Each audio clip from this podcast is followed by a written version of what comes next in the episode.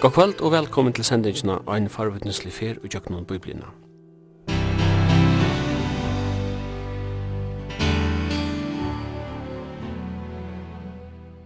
Henda sending er at høyre lindene, kvart mygge kvöld klokka 19, og det er enda sendt frutjata 17. part klokka 15.30. Og i studion er Simon Absalonsen, Jekvann Zakariasen og teknikar er Tor Arne Samuelsen. Vi er i kommet til Apostlasøvene.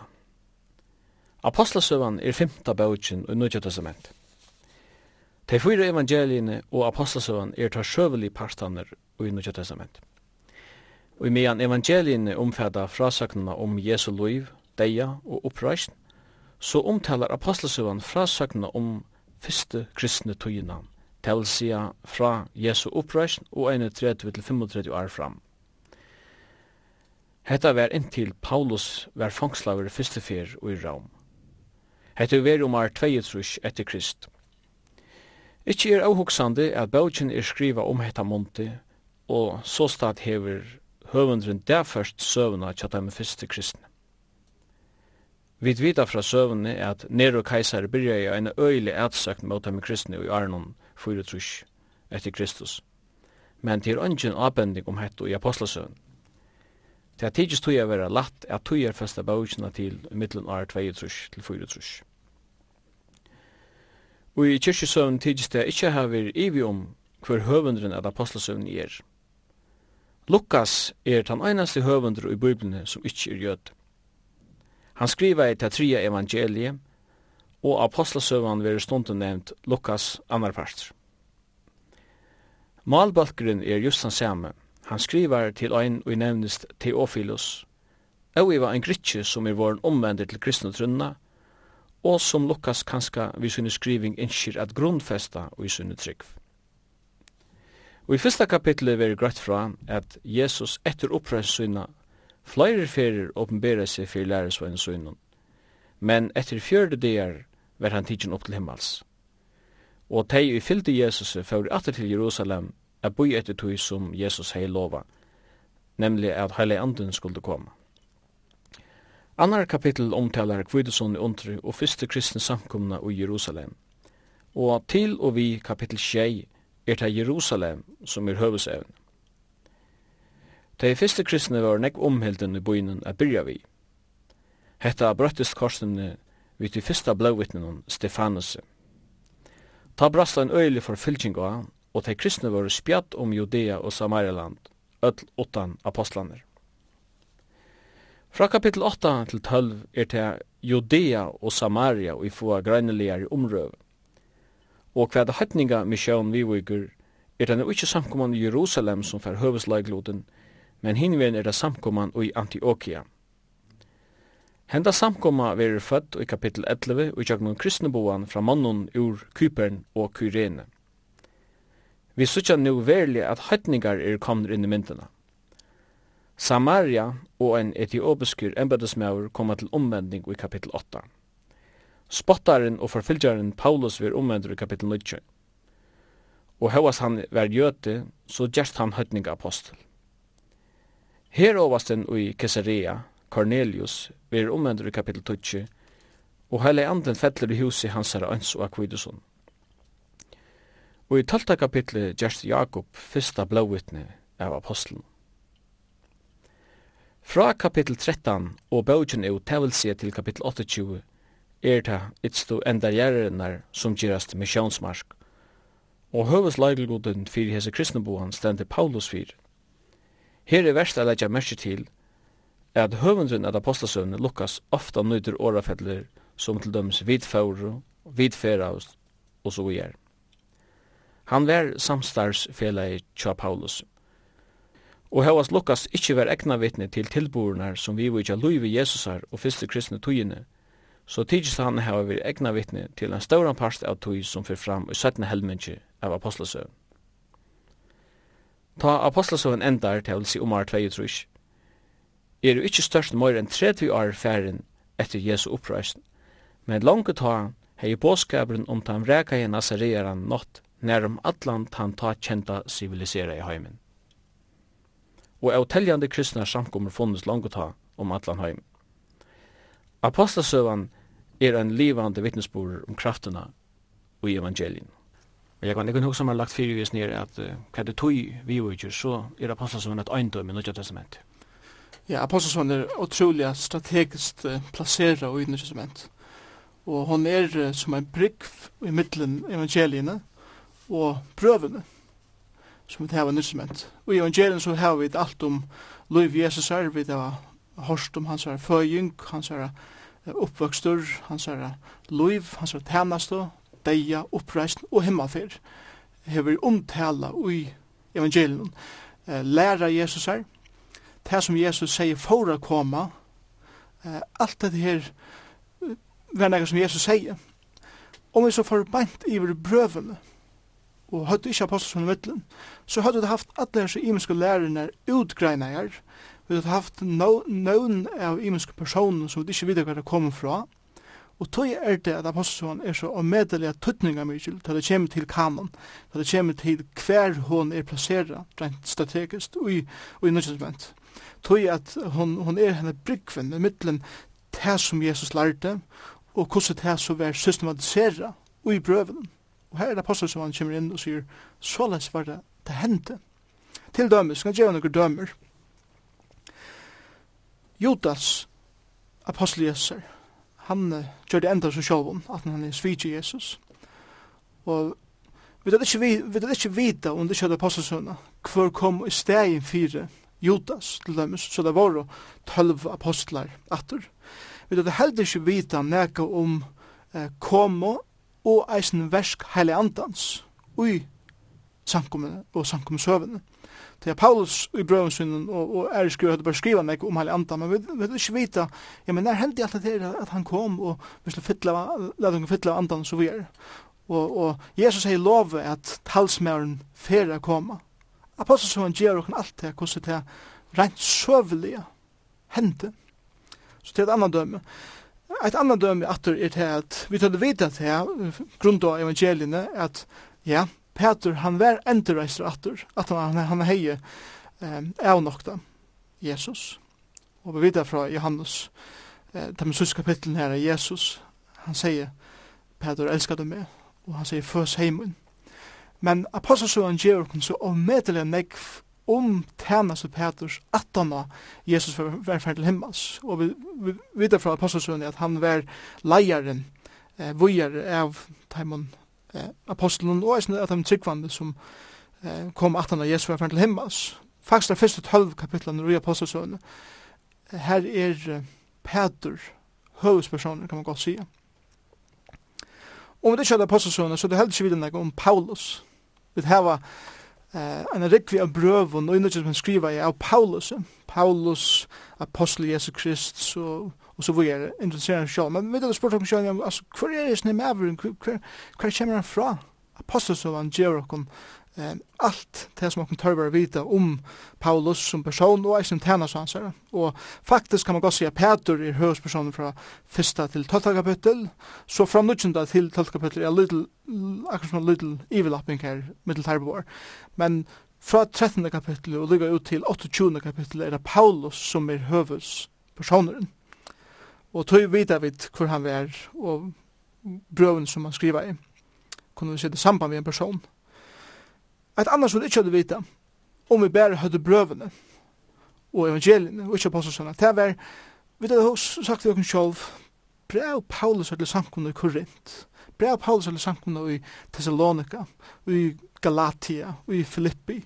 Og vi hadde sagt til oss selv, ja, men altså, hva hver kom seg her byen fra? Altså, hvordan, kom det som Jesus lærte her til? Apostelsene kjer oss alt det, eisne. Og, og Hon forteller om hvordan Paulus ferest. Lyga fra Jerusalem, Jerusalem er sutja vid hvordan evangeliet sprettes langer og langer ut fra Jerusalem, Samaria, Judea og lyga til endar gjerner. Og, og til av endan bókin er så kom til Rom som var høvestavn ut havverande heimenon. Så apostelsungen gjer okkom hvordan kristendommer var spredder ut om heimen. Vi tar heldur ikke videre nekka om hvordan de første tryggvande og sankomman um, foretjøkken reale løyingar fyrir navn Krist skuld. Til at Jesus hei sagt at at du skulle teka krossen krosstekar upp fylgja mer og, og alt det som det kostar og vi får dømer fra byrjan av at det kostar velja a fylgja Kristus etter Stefanus var det første blåvittne i kyrkjesøvne. Og vi får vite om alt det her, hvordan Gud brukte tøyning, forfylging og løying i samkommende til tess at jeg spreia evangeliet ut til heimen, som hjelper okken i det at suttja forfylging og løying i en, i en teologisk perspektiv, kan man godt sige. Ja, grunden fyrir at tryggvandi eisen lugi det er sama grunden som Gud brukte det første samkomna til apostelsøn til at utbreie sitt evangelium så at folk kunne være frelst. Eisen et annet er til at til nekv imisk nøvn som vera eh, given okkun ui apostelsønnen som ikkje er nevnt ærastander. Og om det ikke så er det ikkje larst nekv fra at han imisk person som vi lærer så nekv av ui apostelsønnen og, og tøyer til eisne områdant. At anna er til at apostelsån innebærer nekar framurskærande taler. Og kan man, man kan godt si at, her, at apostelsån er et man kan godt gjøre det i titlen et søvelig dokument. Det er at det gjør noen rent søvelige hvordan sankumene var født og hvordan hun vaks og, og kristendommen ble, ble spredt ut til, til talen til heimen. Men talene i apostelsånene er jo kan man godt si, teologien, eller god frøyen i bøkene. Og under kjæða apostelsøvna, så er det nekv som vi tar vanta, eller mangla, som vi kunne vujar bytje på, ta hitje til brøven, og tog er talene i, i apostelsøvna, så omedeliga området og grunnleggjande for en sunna godfrøy, og, og hoksan om god. Et annars som du eisen heldur ikke har hatt av høyt på, det er, hva var det som hendte høyt høyt høyt høyt høyt Jeg mener vi, altså, ta, ta Jesus fra hjørne, ta, ta, ta kom og gjør det skjermen vi samverden eller hetningen, og Kristus visste ekvelig greit i sin lærer at han var kommet for å kalla syndere, hver er så vår, ikke bare gjør det. Og i apostelsøvnet finnes greia av hans spurningen om middelen jøtar og hetningar. Og det er i passagen 15, hver ein hetningar ikkje tørvar å gjøre seg en jøte til tess at bli en kristen, men at han kom, kan komme i et beint, eller beinleis samfunnet vi god sjolvan, utjøkken Jesus Kristus.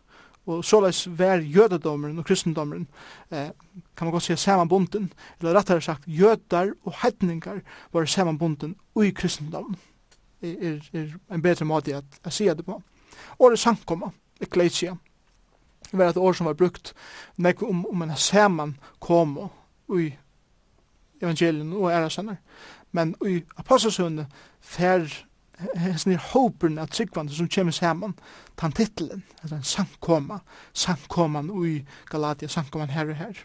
Et anna som det eisende ikke hadde haft, det ikke hadde apostelsundet vært til tan titlen som eh, til tryggvande fink, og det var kristen, i etterlig kapitlet, få til til heite kristen. Så, så det kommer fra apostelsøn. Et anna, som du ikke har hørt videre noe om helter, det er eh, sankum og lasla. Paulus feres rundt i Lutla Asien og inn i Europa, grunda i sankummer, men han sett i eisen en sankum og lasla, eldstaskap, sankum og og alt det imiska som, som gjer til at sankum fungerer. Det her har vi vi har kurser grunden av tog, grunnvødlen av tog i apostelsønnen.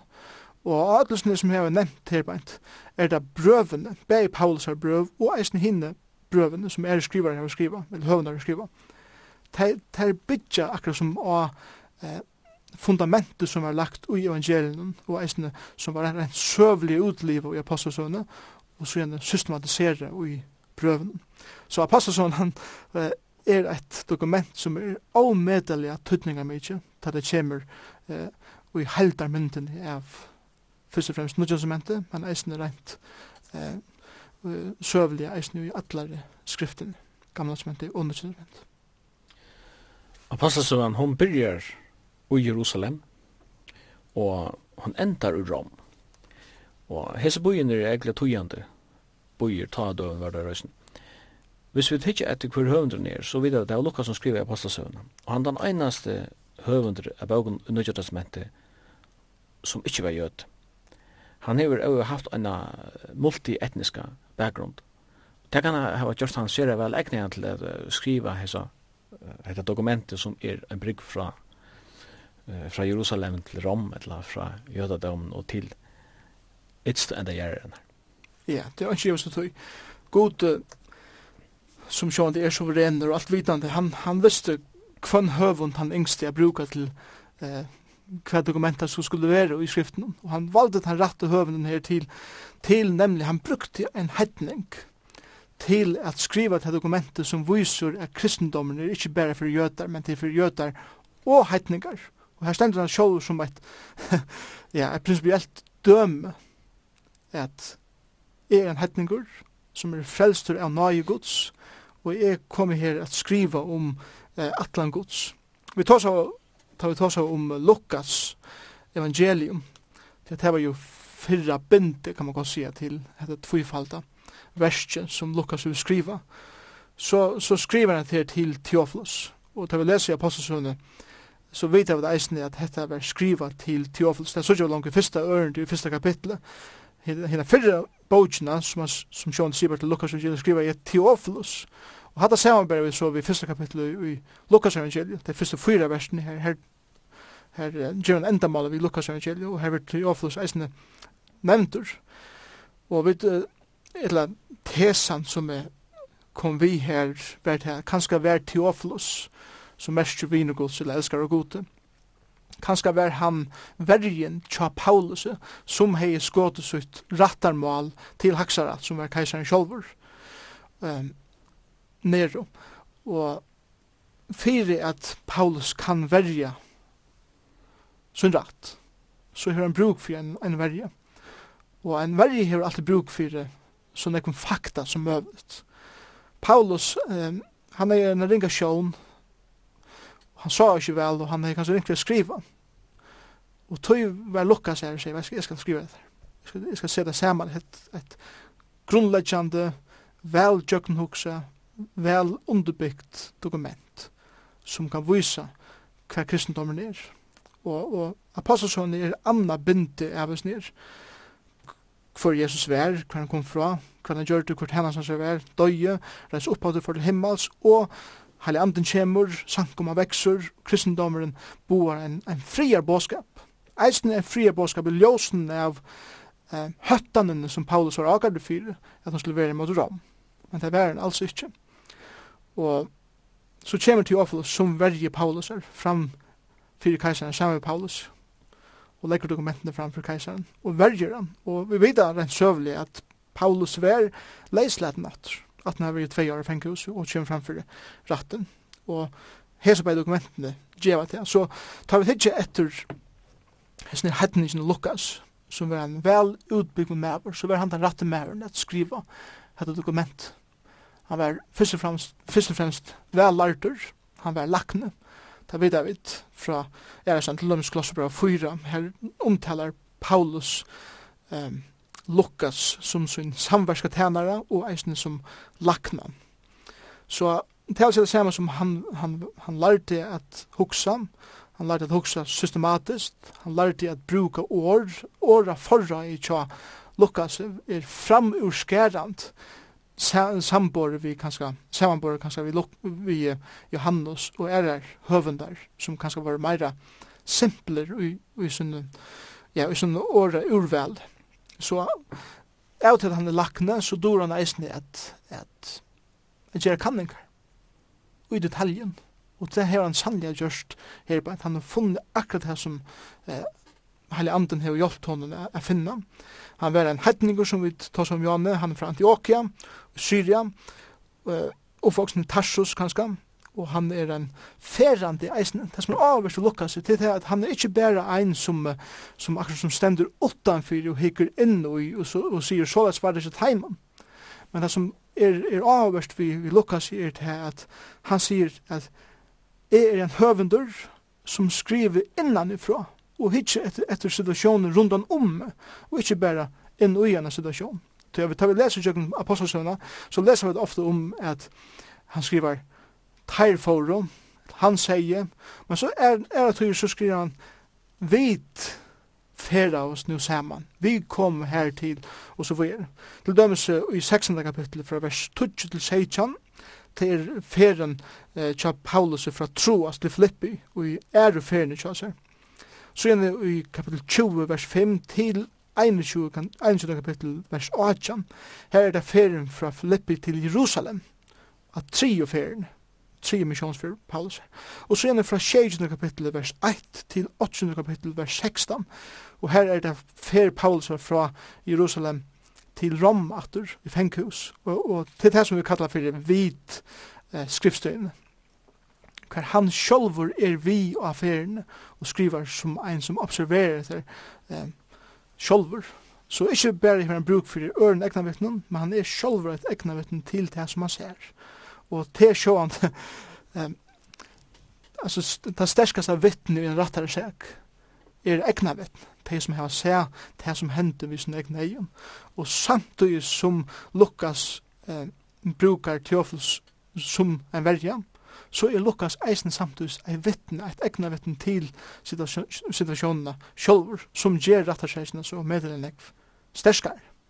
Og, og heilig anden brukar så at her hesper dokumentene Lukas og apostelsønne til at utbreia det som han innskjer, er fast og sutja, er Kristus er til verska, han er kommet inn i en søvlig situasjon at noa mennesker, heter han som døy for tikkun, vilja til trykva og han eller ikke, vilja til hek mot hon eller ikke. Og det er, det kan man godt sige, det er tyngdarpunkt i Apostelsønnen og Lukas evangelium, kan høvende sier, hette er Kristus, tek dem mot honom, eller ikke, trus du hon eller ikke.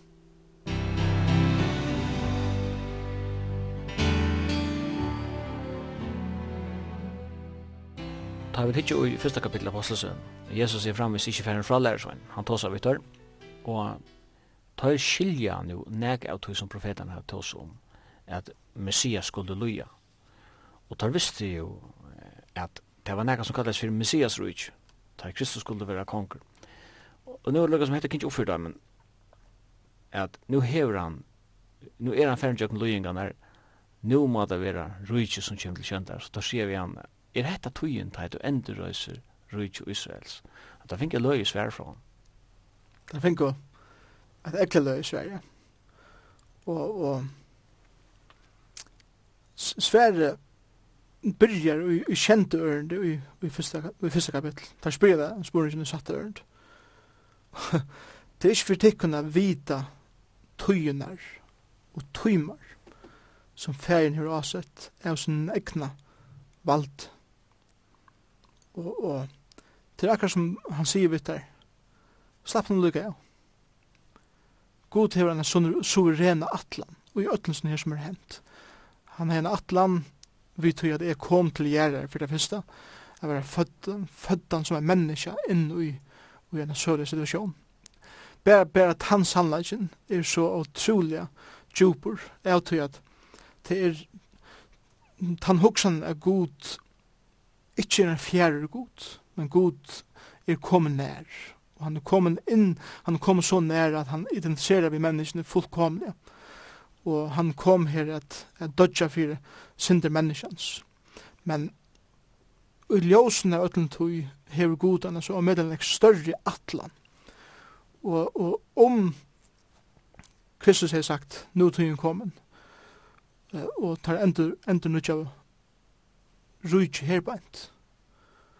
Så hadde vi så rænek som ikkje er gikk ut, som ikkje er hent. Så så er anden ikkje finnst loiva komme. Åren, rujt var grunda. Men jeg tog at rujt gods er eisne at andalet rujt. Anden gjer sitt versk ui hessen heim i det. Tog sier Jesus, det er ikkje vi tikkna vita tøyunar eller tøymanar. Og, og her er tvei imensk år som er som er brukt her bænt. Han sier bare beinleis til tøy, men han sier bare eisende eh, til, til det kommer til eh, her i kjentørene, tøyerne og tøymannar. Tøymannar sier bare til, til tøyermessig, ja. Men eh, tøyene sier bare til meira situasjonenar ui heimsøvn. Det er ikke for tikkene å vite hver omstår heim skulle være, og heller ikke nær det skal hente at Kristus grunda til rujt. Og han er så av avmedan ek større atlan vi til som han atlar. Og til tøy han forvojar og sier, men, tid skulle få kraft. Ta i heile anden kjem, og tid skulle være vittnemun. Det som han sier her er til at, at jeg har en ekst større atlan enn bare at grunda rujtje fyrir tikkun tølv, og så skal han vel til. Jeg har en universal atlan, Og det samsfærer vi bådskapen som Jesus kunngjør fra fyrsten tog av, at jeg har en bådskap til alle mennesker, som eisne for som tekur alla vinn til Abraham, og i tær skulle, skulle allar atter gjerrene vera signager. Det vil si samme som fra Jerusalem til Judea til Samaria og til enda gjerrene. Det som Jesus ger her i 8. verset er til at nu er det tid eisne vi til at oppfylla til lyften som gav Abraham fyrir sånne tusen år siden. Og tid er vi til at öll mennesker skulle kunne høyra at Jesus Kristus er eisen deg for terra synder, og så lest vi evangeliet kunnskjørs for öll menneskene det. Og, altså, spurning som lærer sånn er, tykker vi er en ekkert menneskelig spurningur, som er eisen kanskje er spurt hvis jeg var i situasjonen, nå er Jesus risen opp, nå er jeg spenter, wow, nå er det spennende. Men Jesus sier, boja, boja, vi skal bruka det til å lage nekst større, som til slett kunne hugsa det, og til det som apostelsen snur, snur sjó. Tar av au og ser at, at politisk rujtje fyrir her, her Kristus skulle råa, og så kemur det her andalige rujtje fyrst, at, at heilig antal kemur. Men uh, du nevnte jo det her at han sier vi tar at til slår vittnemøyene og Jerusalem, Judea og Samaria, og til ytst enda gjerne. Akkurat hatt årafettelig her, Jerusalem, Judea og Samaria, ytst enda gjerne. Hatt er som en disposisjon av apostelsøvn. Åttende av ørende og i første kapittel er liklavers, kan man godt sige, i, i alle, i alle. Ta, ta, i, ta i han hever sagt hette her, at tid skulle være vittne, eller fyrst sier han, men tid skulle få kraft, og, og året kraft her er året dynamis, til året som får dynamitt fra, til skulle få kraft, til skulle få myndelika. Hver kraft er? Det er heile andans kraft, ta ui heile anden kjemur i vitikken. Hendan kraften, nærvera eller koma heile andans, fer a gjerra til at tid skulle vera vittnemun. Og, og et vittne til en som kunngjør det som han vil se og hårst. Og, og det som han sier her, det er tislen nu for å kunngjøre det som jeg har lært dere, det som jeg har sagt, heile anden, for jeg samanbinda det vi Johannes 16, han skal gjøre så til skilja, til å minnast, og han skal eisne oppenbæra nega nytt fyrir, og som tid ha nega meira bæra, til til orsker seg bæra alt enn, sier Jesus. Men heile anden til han kjemur skal djeva til kun til kraftina som til kun tørver. Til slår vittne moine, ikkje bæra vittne fyrir hva som helst, til slår vittne om det som jeg har lært og sagt, og det som jeg har vært fyrirdømme ui i min liv. Bæg i Jerusalem. Og det, det sutja vi så greit og klost i snir kapitlen. Det er det samme som at til byrja her som det er, til at her er i Jerusalem, her er jo her, og, og det er her som tar hørt heima, det er her som Jesus var krossfester, her som var døye, og det er her som han eisne eh, reis opp at. Her skulle det byrja, det skulle være her. Og tar vi så lesa i jøkken første kapittel, vi færre ut i annan kapittel, heilig anden kjemur, tar er i Jerusalem, Kvitsen høgtiden er i Jerusalem, folk er kommet fra Øtlund, London, til et steg, og nu kommer hele anden og sank om han var født. Hun byrjar, tror du salig var frelster, er første predikene som er i sank om søvn, Peter, talar. Vi kommer ut i tre kapittel, fjorda kapittel, her kommer taler på 5000, og hun vekser, og hun vekser, og hun vekser. Trobladjen er han at Jesus har sagt til rytmen i Jerusalem, Judea, Samaria og til enda gjerne. Men til akkurat som at månene genga, årene genga, og det kom ikke noen. Og, og til akkurat som det blir sånn, sånn klika, og det har det funnet i Jerusalem, og, og det kom ikke, kom ikke vujer. Og det som hender er, er det vi tre likla vers som, som har vi eisen her i satta kapittel vers 6. Her leser vi ut år Guds hei framgångt og tal lærersvennene i Jerusalem vaks i storen. Store håpen av presten gjørtest trunne løyen. Så til er akkurat som her sier Lukas, nå er Jerusalem missionen oppfyllt, kan man godt si. Fyrste året i åttende kapittel, nei, i åttende verset i satte kapittel er Stefanos. Stefanos være en mer fylter av nøye og fylter av kraft, fylter av andagods.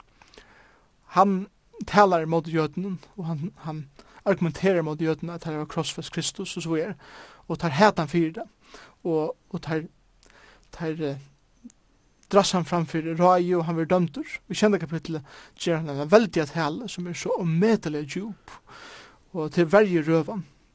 Men ui kjenda kapitlet, ut av sørste versen, Her er Stefanus steinar til deis, og han er fyrsta blåbøttene. Det som sikkert her er til at de er i Jerusalem, men nu byrjar god a gjerra det for kostalnek, er standa opp fyrir tunnja Jesus Kristus. Og vi lesa her i 1920. øren i kjenda kapitlet, så steinar ut her Stefanus, men han ber seg, Herre Jesus, teg mot andamun, og han fatla knæ og røpte herst, Herre, let det ikke gjelda for hesa sint, og så vi er. Og vi leser i 8.20 ørende, at han letja klein just til famelse, vi føtna seg som heter Saul. God uh, er en atlan vi kvarjon menneskjaliv, til Saul blu setne, Paulus. Og i fyrsta ørende i 8. kapittel leser at om Saul, han samtidig ui, at han var dripen, sema det brast og hør etsøkne mot sankommene i Jerusalem. Så leser vi, de var öll spjætt ut om Judea og Samaria. Og alle apostler, eh, åttan apostler, öll hinn. Det er samme som eh, God sier, ok, hvis det ikke vil være fære vujer vi, vi munnen, bovun, sjolv, så skal jeg syrja for det her. og, og teg av heldig til Jerusalem, og God sier, hva skal jeg, jeg vil nødt til å sende tøyning her, fyrir at sankumann vil spreit ut. Jesus sier til Sarvitmen i Jerusalem og Judea og Samaria. Nå kommer til 8. kapittel, og Jesus sender tøyning, og vi leser at det vil spreit ut til Judea og Samaria land. Så god gjør det det her bænt. Og, og ta fyrir en øyne tøyning fram, Saul, som han eiter enn, han, han, han, uh, ser den ektrykvan i fengehus, han, vil, han fer bo om, eller fer løyve fer til Damaskus, at hega folk her fra eisene, og så til fengt men men avved til Damaskus, ver hesen maveren fullkomlig ombrøyter, og han vil kallar av herren. Ta vi koma til 31. ørende i 19. kapitlet, så leser vi etter likla vers, at det fyrir strukturen av apostasønnen, sankoman heine fri om alt Judea, Galilea og Samaria.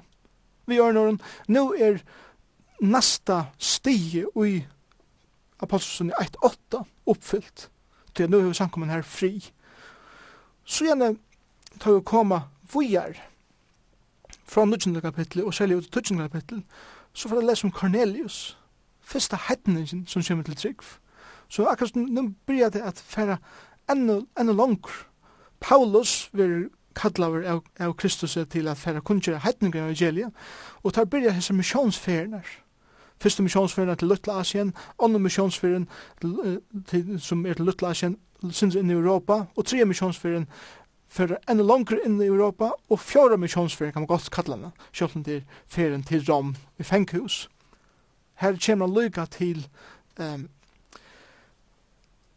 til høvestegn i, i tavirande rujtjennom, romerska rujtjennom, så leser vi i sein time time time bound seinas ørnden i 8. kapittel. Her leser vi såleis.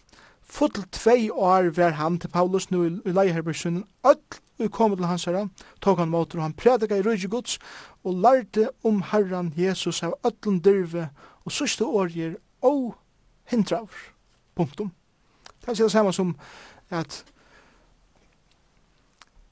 byrja i Jerusalem, for til Judea og Samaria, og Paulus førte lukket til enda gjerner, og han var her vi enda gjerner ta i togene, og kunnskjer evangeliet og hindravur, punktum, til akkurat han sier okkur, og til evangeliet for en og hindra vujare til enda gjerner. Og vi er vi enn det til at kunnskjera evangeliet til enda gjerner. Så her sørger vi eh, enda strukturen i apostelsønnen de første seks kapitlene i Jerusalem, så gjerne fra eh, 17. helt av 7. kapitlet, helt ut i 19. kapittel, eh, Judea Samaria og Galilea, og så gjerne fra 20. kapittel, lukket ut til 8. kapittel, er det til enda gjerrener.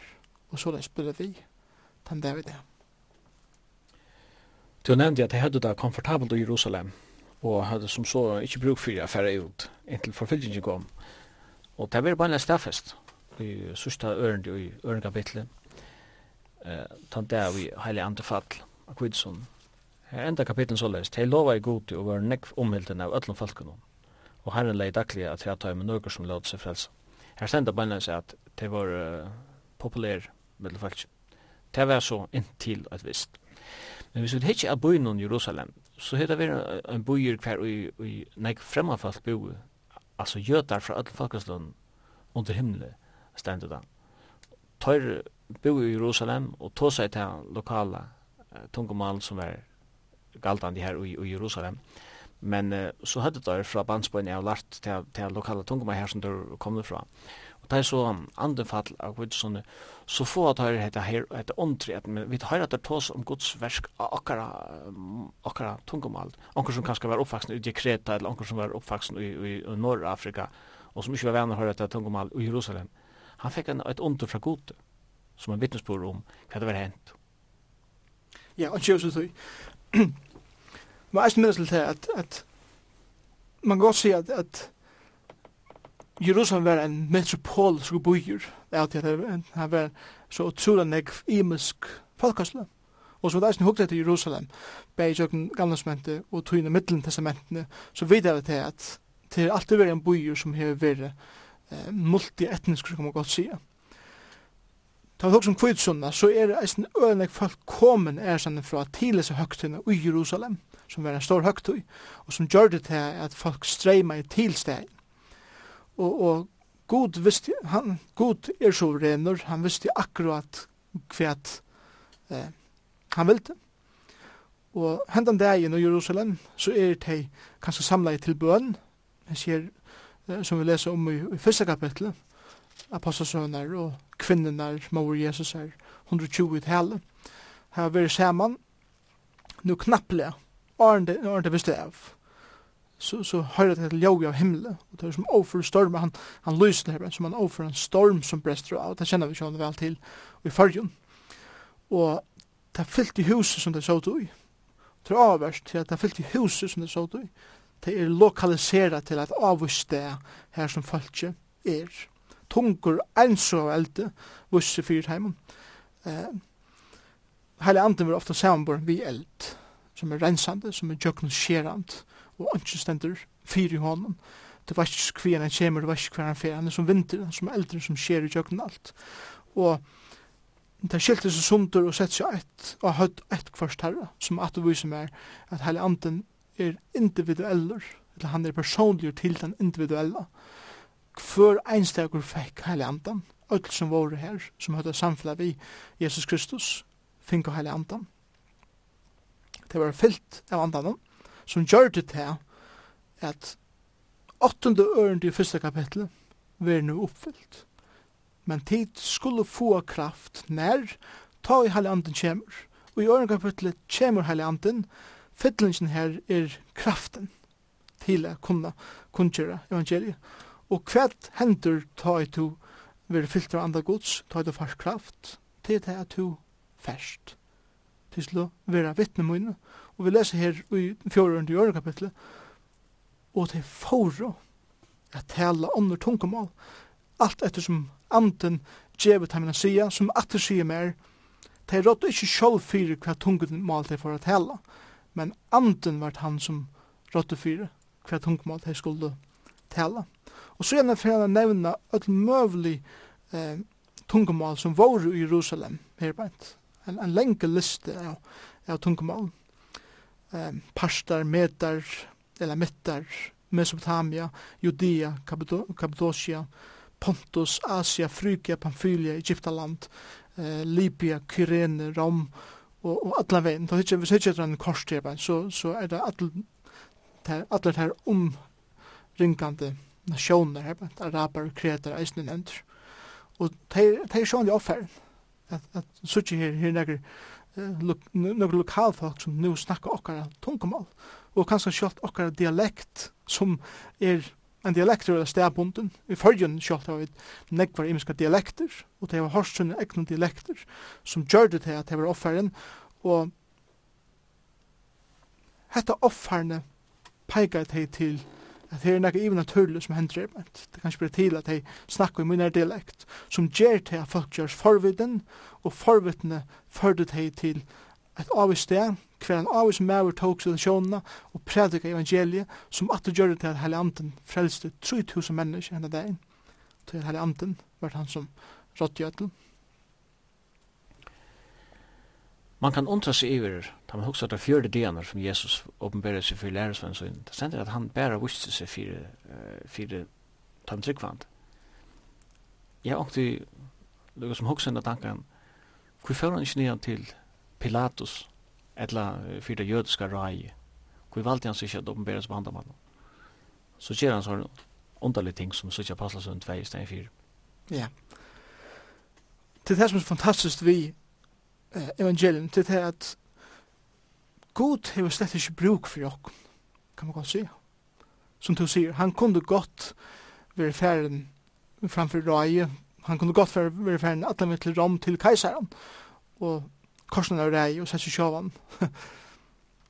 Men det er sjåvan skot attar arbeid, han attar arbeid i jøknum mennesk, jøknum folk som tar til apostlene som hever her, jøknum de som kom til trygg, og at vise at jeg kan gjøre et fantastisk arbeid i jøknum, de som kanskje er minst brukelig.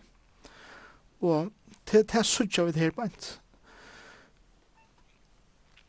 Nå så avhverst du nevner her at, at han visste bare fire synen i fjøre der. Jeg tykker vi at en stor oppgave tja okkon som samkommer i det er at bruka nekva tui at jeg vet ikke om året utbygg vi det ratta men kurs er at utbyggva, upplæra, upptrena folk til at sutja, nu er også som tryggvande folk til å sutja, hver er god? Hver er god for for jeg gjerra? Hvordan kommer jeg at kjenne god bedre? Ikke bare sinneslige, men hvordan kommer jeg at kjenne hjärsta gods? Da jeg kommer kjenne hjärsta gods, så kommer jeg kjenne vilja gods. Og så las eier vi det ubygva det tryggvande, og for god er, så at hei kunne færre ut at noa andre mennesker fyrir Jesus Kristus. Jeg tror vi ikke har løsnen i det å på evangelisering er å gjøre store møtekampanjer. Um, ikke ringt måter møten som er store kampanjer, slett ikke det. Men om eh, hva det skal være samfunnsmøter, eller møter i utrahøtlen og alt mulig, om det er bare krysse kalenderen, nu har vi gjort okkar evangelisering, så arbeider vi tykker vi i motor minstri gods. Jeg tykker minstri gods er at opplæra folk i samkonnen, at røkka ut til folk i sin arbeidsplass, ut i markedsplassen, her som de kommer daglig, tog at om jeg bare har, har et vikeskifte av evangel evangeliske møten, og til min evangelisering, så sitter jeg krysser kalenderen, og gjør seg for i år, så er det fullkomlig og effektivt Men hvis jeg kvann det, skje det er vikene, så ikke at min misjonsmark er at nå at de som er seg vi, de som livet seg vi, de som kan skola seg vi, de som sikler seg vi, fyrir herre Jesus Kristus personlig, så får det ha en nekk større kraft. Og tog trygg vi at Jesus brukte det her fjøre delen her, at opplæra, at vysa hvor han er, og at letja grundala fyra, ta i halde anden kom her, så visste du akkurat hva du skulle fyrir ut og gjøre, vi halde andens kraft. Og hadde vi lært det her, så tykker jeg vi til å kunne revolusjonere okkar land, okkar eh, grannaland, Europa og Atlanheim.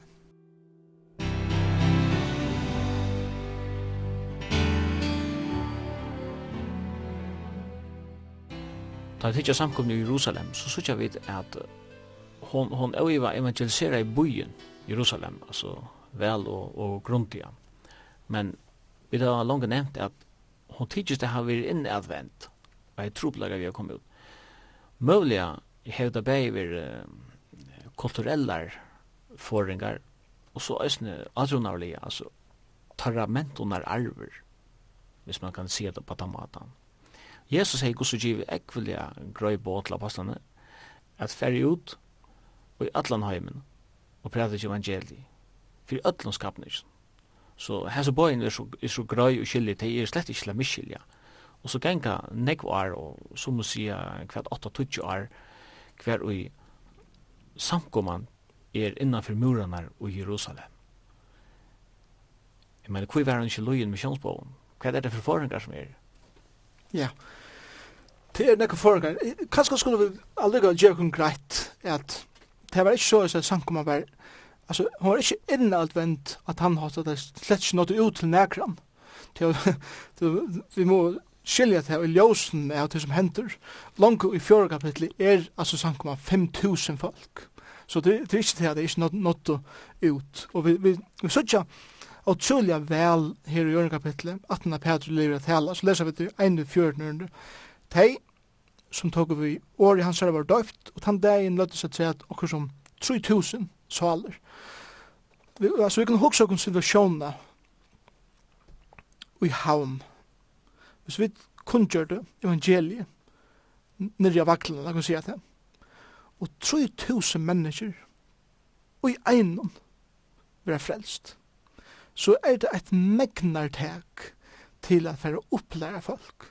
Det, her er det folk, hette er ikke som vi har i forrige det, at de har høyre evangeliet, utvarpi og sjånvarpi, og hver er som kommer, så høyre de evangeliet. Hette er folk som er fullkomlige fremmant i forbåskapen. Og til en utrolig opplæring som skal til her, men fire er gjer hese 3000 følelsene før fire at færre ut av noe andre atter. Tog er det de fylgjande ørene er og meddelige områdene som vid eisen det er sånn som er minst til fire hvordan en samkommestruktur er å være. De held utrolig fast vi lærer apostlene for det første. Det er å si samme som at hese 3000 mennesker som var frelst skulle under en opplæringarprosess, kan man kan si. Lærer apostlene var sjående grunn til å lære Jesus. her. Så det er som Jesus har lært. Og vi samfellet er, er det anna endamål. Samfelaget det er at, at vi har nu nekka til felags. For det første, det som binder oss saman, er Jesus Kristus. Heile anden binder oss saman. Tog jeg vidt heva utla heile anden som har tro av Jesus Kristus. Tog jeg heva det samfella oppetter, men er det akkurat samfunnet oppetter, så er det eisen utetter og innetter, kan man godt si. Så er det samfunnet ved koranen, og, og de kommer daglig til i tempelen saman, men de kommer eisen daglig i heimen og kjøkkenøren saman, rent sosialt. De heldur tjulig fast vi breibrådningene, så langt her Jesus har sagt i Johannes eh, 16, eller kapitlen her, minnest med vi brei og vinn, og, og breibrådningsen er trygg vi er, til intimast, til inneligaste samfleget som du kanst heva vi kvar annan som er tryggvande, og eisne vi Kristus, til at jeg tryggva ui breibrondisene kommer ötlis i elementene saman, at du sørst likam Kristus er bråte fyrt, du sørst blå hans er sottmal som var gjørtur, renne her fyrt, og symbolisera i brei og i kærlisnen. Til seg saman som at breibrondingene var en intim eh, løta fyr hver er myntust Kristus. Og de helt utrolig fast vi bønnar. Det er samme som at bønarløyve måtte eisen opplærast. De måtte læra at kunna tåsa vi sin skapare og sin frelsare beinleis. De var vån vi at heva 300 imiskar godar i sin heimon. Ein både til hvis det var vekkere, en annan hvis det var høvepøyne, en annan hvis det var bøttene, en annan hvis det var ekeren, en annan som er fiskeren, eller hva det skulle være. Nå skulle de lære at her var et beinleis samfunn vi en åskjønnelig en god. Så her er en, en utrolig opplæringsprosess her beint. Øtte, tryfjøren dørene kom nok forrige sal, og mong under og tekjen var gjør vi apostelen, vi apostelen. Øtte her er viring, kom nok forrige sal. Mong under og tekjen, til å se sammen som at de var involveret i en tænast, de var ikke bare her sammen innenfor nekra vetjer til lærerne, til dopen, eh, til samfunnet, til brevbrødelsene, til bønner, men de var eisen ut av, av marsplass, ut av gøtene i Jerusalem, at demonstrera kraftene som Jesus sier lova i 8. ørende i 1. kapittel. Og det var at under og tegjen var gjørt, folk var grøtt. Det er så gjør det 3. kapittelet, hessen lamne maver som hever lamne i 40 år verir grøtter og han, han, han hoppar og sprellar rundt her i tempelen som gjer til at mennesker vera eh, ja, for, mennesker er forviden til flokka saman. Peter, fornuftig som han er fyllt av andre gods predikar ein fyrir 2000 folk trepa var fremst og til sjående nekv, nekv under og tis var gjør som ikke skriva i herbeint men lukka skriva så nøkur Det er samme som at de var involveret i en tænast. Alt det som anden har givet ham nøye gav. Så sender de her fyrir fyrir når öllin tryggvand hildi sig saman og hadde alt vi fela i ognu sunn er gossu tseldi teg og det bytti det middel öll etter som hver trångt det er altså saman som at hei vi må skilja det rent søvlig her tog at ta og en jöte var frelstur så misti han sin ergångt til sin synagogene, han misti sin ergångt til sin familie, han misti sin arbeid, det kostet han ekv. Tøy var det nekver tørver som skulle møta seg. løsne som teg hadde vært, så hadde du bare selja det som eia og byta det ut så at ønsken stendur hever nekv og ønsken stendur hever lyd. Og, og det var forhold som fungerer vel her. Jeg sier ikke vi skulle gjøre det her det, men prinsippet er det, vi, det egnet. vi skulle ha egnet hver nøyre til prinsippet i snir. Det kom og kvann det avhaldande tempelet vi ein hjärsta, ein leidje i sankun, de brodde brei heima vi hus, det var tempelen og heima, heter kanskje minstru på en sankumme, og så cellegrupper, eller husgrupper, så vi kunne bruke det, mønster herifra. Og de finner følelsene vi glede og einfalde hjertans, og de lov av gode, lovsonger tilbyen, lovprysan, eikjende disse sankumme, og de var, så det, de var nekv omhildende av falskjennom så er rett forhold til god, et sunt forhold ut etter, vi andre mennesker, så først vil få en respekt fra heimen. Jesus sier i Johannes Heitjan, om ein leikir tikkar i middelen, så er det en vittnesborer at jeg er Kristus, Kristus sånne gods. Og jeg sikker at, som vi leser her beint, daglige leis at seg at heimen nøkker som låter frelsa. Kvoi, til at her vær læra, her var bøn, hevar her var einleitje, hevar glede, sjølvande for det her tiltrekja mennesk, og det var frelst. Så sankoma var som sankoma. Men som tog ingonger, så, så vekser sankoman, og jeg tykker apostlene og hinner leierne i sankomanen, har haft sånne gjerra i sin egna flotje, at fokuset at nå ut er på enkla måte dempa nyer, tog at kanskje hira til henne sammen, og læreren og alt annet har vært så høgt prioritera. Og det som vi må lære det av oss her, er til at vi tar imsk endamal, men vi må alle tiden ha egin etter hvordan er jaunveien i endamalen tjåk som samkommer. Så vi er ikke bare legge dent av ett endamal og så glemme hin, men til jaunveien, og Kristus var han som sjálfur hjelpte dem gongt vi at få til endamal røkke ut, og så til å kunne gjeres de store misjonsboen og være dem løyen. Ta Lukas skriver på Atlasøyna, så, så krekk var han ikke, han feier det ikke, nek, noen til teppet kan man eh Uh, det var mennesker, det var ikke fullkom. Vi leser også om trobeleikere i samkom. det var så avverst.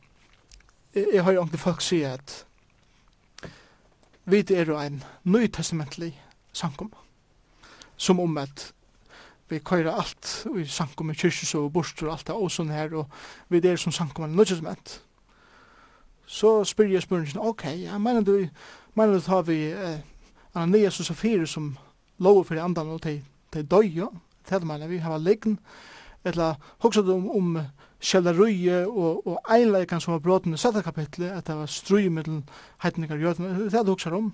Eller hoksa du kanskje om, om samkunnet korrent, hver en, en sonur svev i mamma sinne, eller hver det får ratten hver vi gjør dem. det som er utrolig områdende er til at det er mennesker som er syndafullt mennesker som er frelst. De er endrefødt, de finner nytt liv, men de hava synda trobelegan enn a berjast vi. Gamle naturena, hon er her enn. Og til Kristus hefur valgt a bruka mennesker som er gamalt, rusta, nastan av brukeligjaten, og sjálf, og her nekve trupeleikar i apostelsøvn, alla vegin gjennom apostelsøvn er det trupeleikar, og man har trupeleikar, og man har trupeleikar.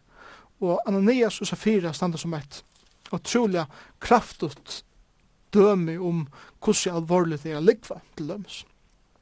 Det er lov for hele andan. Det er som sinna gjør, kommer fram for apostlene, så det heter pengene for gjørene, men det er tidsnekka til sin sjolv. Og, og hadde Hadde så kanskje sagt det at vi tar tidsi synder okken sjolv, her er resten, så trykker ikke det til døy. Men at det sønt er sønt at her er alt, vi har ikke for okken sjolv, så bare lekken opp jo.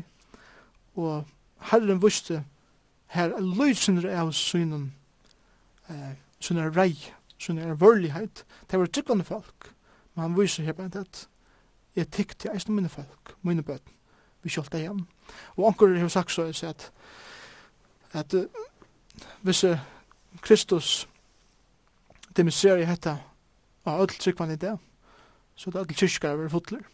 Og jeg tykker det er en utrolig stor sannleik i utøy, og at det viser bare til at Kristus ser synd ometallig alvorlig. Han døye fire synd. Han døye fire bjørgung fra tusen synden gjør. Og ein dag fyr han å gjøre a rensa synd fullkomna bostur og a rensa og jottaja synd og i livins tryggvand. De som dødja og fer herfra vi og jottaja sind, det skal være vidgjørst til vi er vi domstol Kristus er, ta vi vera rensa i, og ta skulle vi ta vi din rensa i, vera leit fram utan plett, utan rukk, utan nega slukt, som bror Kristus er. Så det aller siste skal være vidgjørst vi domstol Kristus er.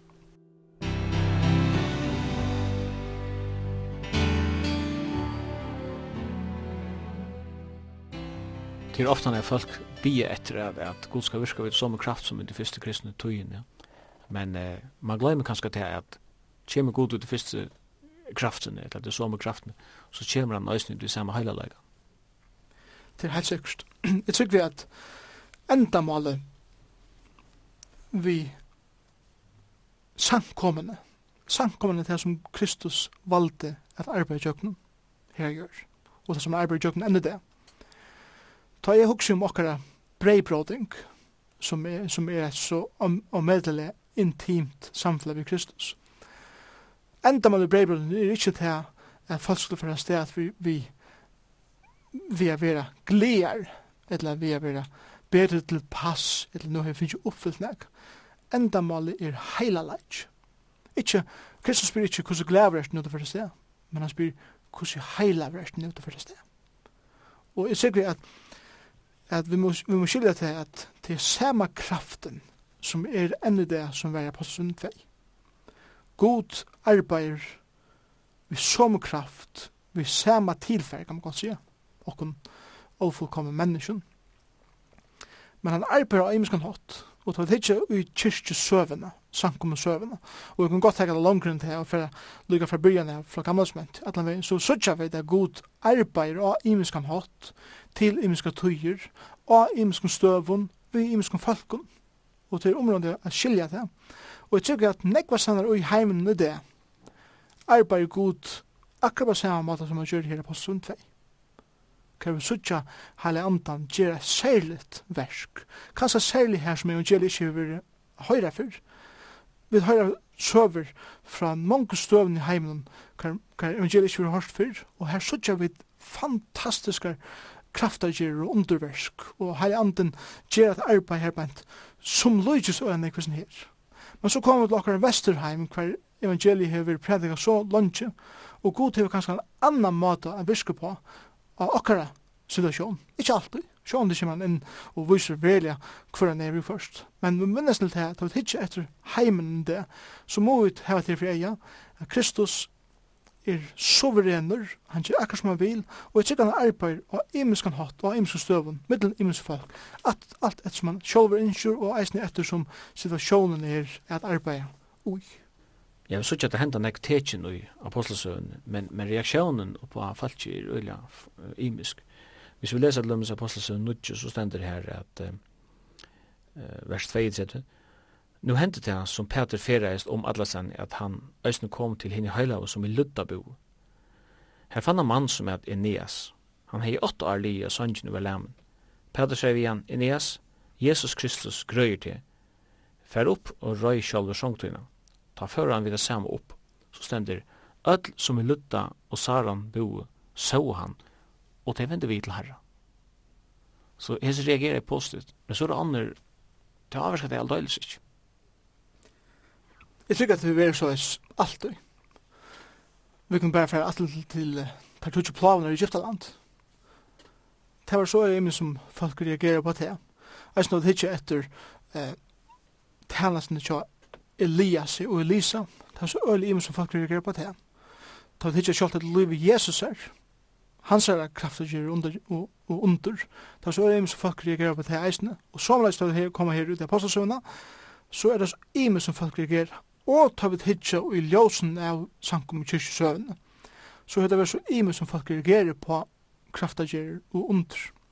Jeg tykker vi til at, at uh, folk reagerer så er imest på imest som hender. Jeg tror en vante tjan, tjan nekvun er han at vi hava ho på ankra måte at køyra under og kraftagjir fullkomna borstur og si at hatta er ikke hendet det og, og så videre og vi tar ho skrikva til suyes og, argument, og argumentet er kanskje til at vi peikar skriftene ja, men det sykje her at de, de tog seg ikke mot men jeg tykker det er skreft argument. Til vi sykje at at kraftagerer og under er nekka som Herren brukar fyrir at hala folk til sin. Og han gjer det. Og jeg tykker han gjer det enn det at i jøkken under og jøkken kraftagerer vera menneske frelst. Men hinvegin, så som du sier, så vera at menneske ikkje frelst i jøkken det. Tog at det er nek som sier at han blir anskje vi gjerra og, og, og, og, og, og, og, og, fullkomne bortsett fra det. Men herren brukar så utrolig nekker æra med tåter reisen. Jeg tykker at et størst under og en kraftleger er bøn. En mamma som har bygge nekv, nekv, nekv år fyrir sin son, han skal bare frelst. Knappe en dag. Du er frelst. Det kan være jo en vinskaps evangelisering, at en viner har vært en øren vinner tryggfri sjøkken nekvar, hun bier fyrir noen, men han er ikke blitt tryggvant. Men så knapple en dag inn, så kommer han til tryggv. Det kan være i en tale, eller anker frelster. Det kan være i sjøkken en tragedie, anker frelster. Her er brukar så og møter en imisk omrøye at nå folk vi. Og jeg trykker at det var ikke her apostelsønn, så vera folk frelst grunda av under og tegjen folk vera frelst grunda av systematiska lære av åren.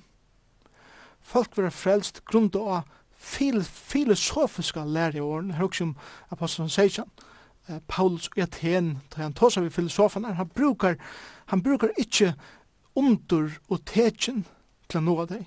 Han brukar heller ikkje eh, bibelska eh, argumentasjon for at ibeviser hisse her filosofene, men han brukar filosofiskt argument för att nå att de menneskene att tarra stöj. Och det är det som vi må lära det, tycker vi, at de følelsen som vi nå, hvordan kunne vi best identifisere vi de at tarra støy og tarra økjen, og her tykker jeg vi kunne best nå det. Og så her sjående sørger vi til apostelsøvne og ærestene, eh, som jeg har sagt, atter atter, Kristus arbeider av imenskan hatt og imenskan støvun til imenskan tøyer vi imenskan falsk hadde vi lært det, så hadde vi lært at finnes en bedre jaunva og i akkara avskåan om tekin og under og kraftargerer og eisne bøn, systematiska lære, filosofiska eh, argumentasjon og så videre.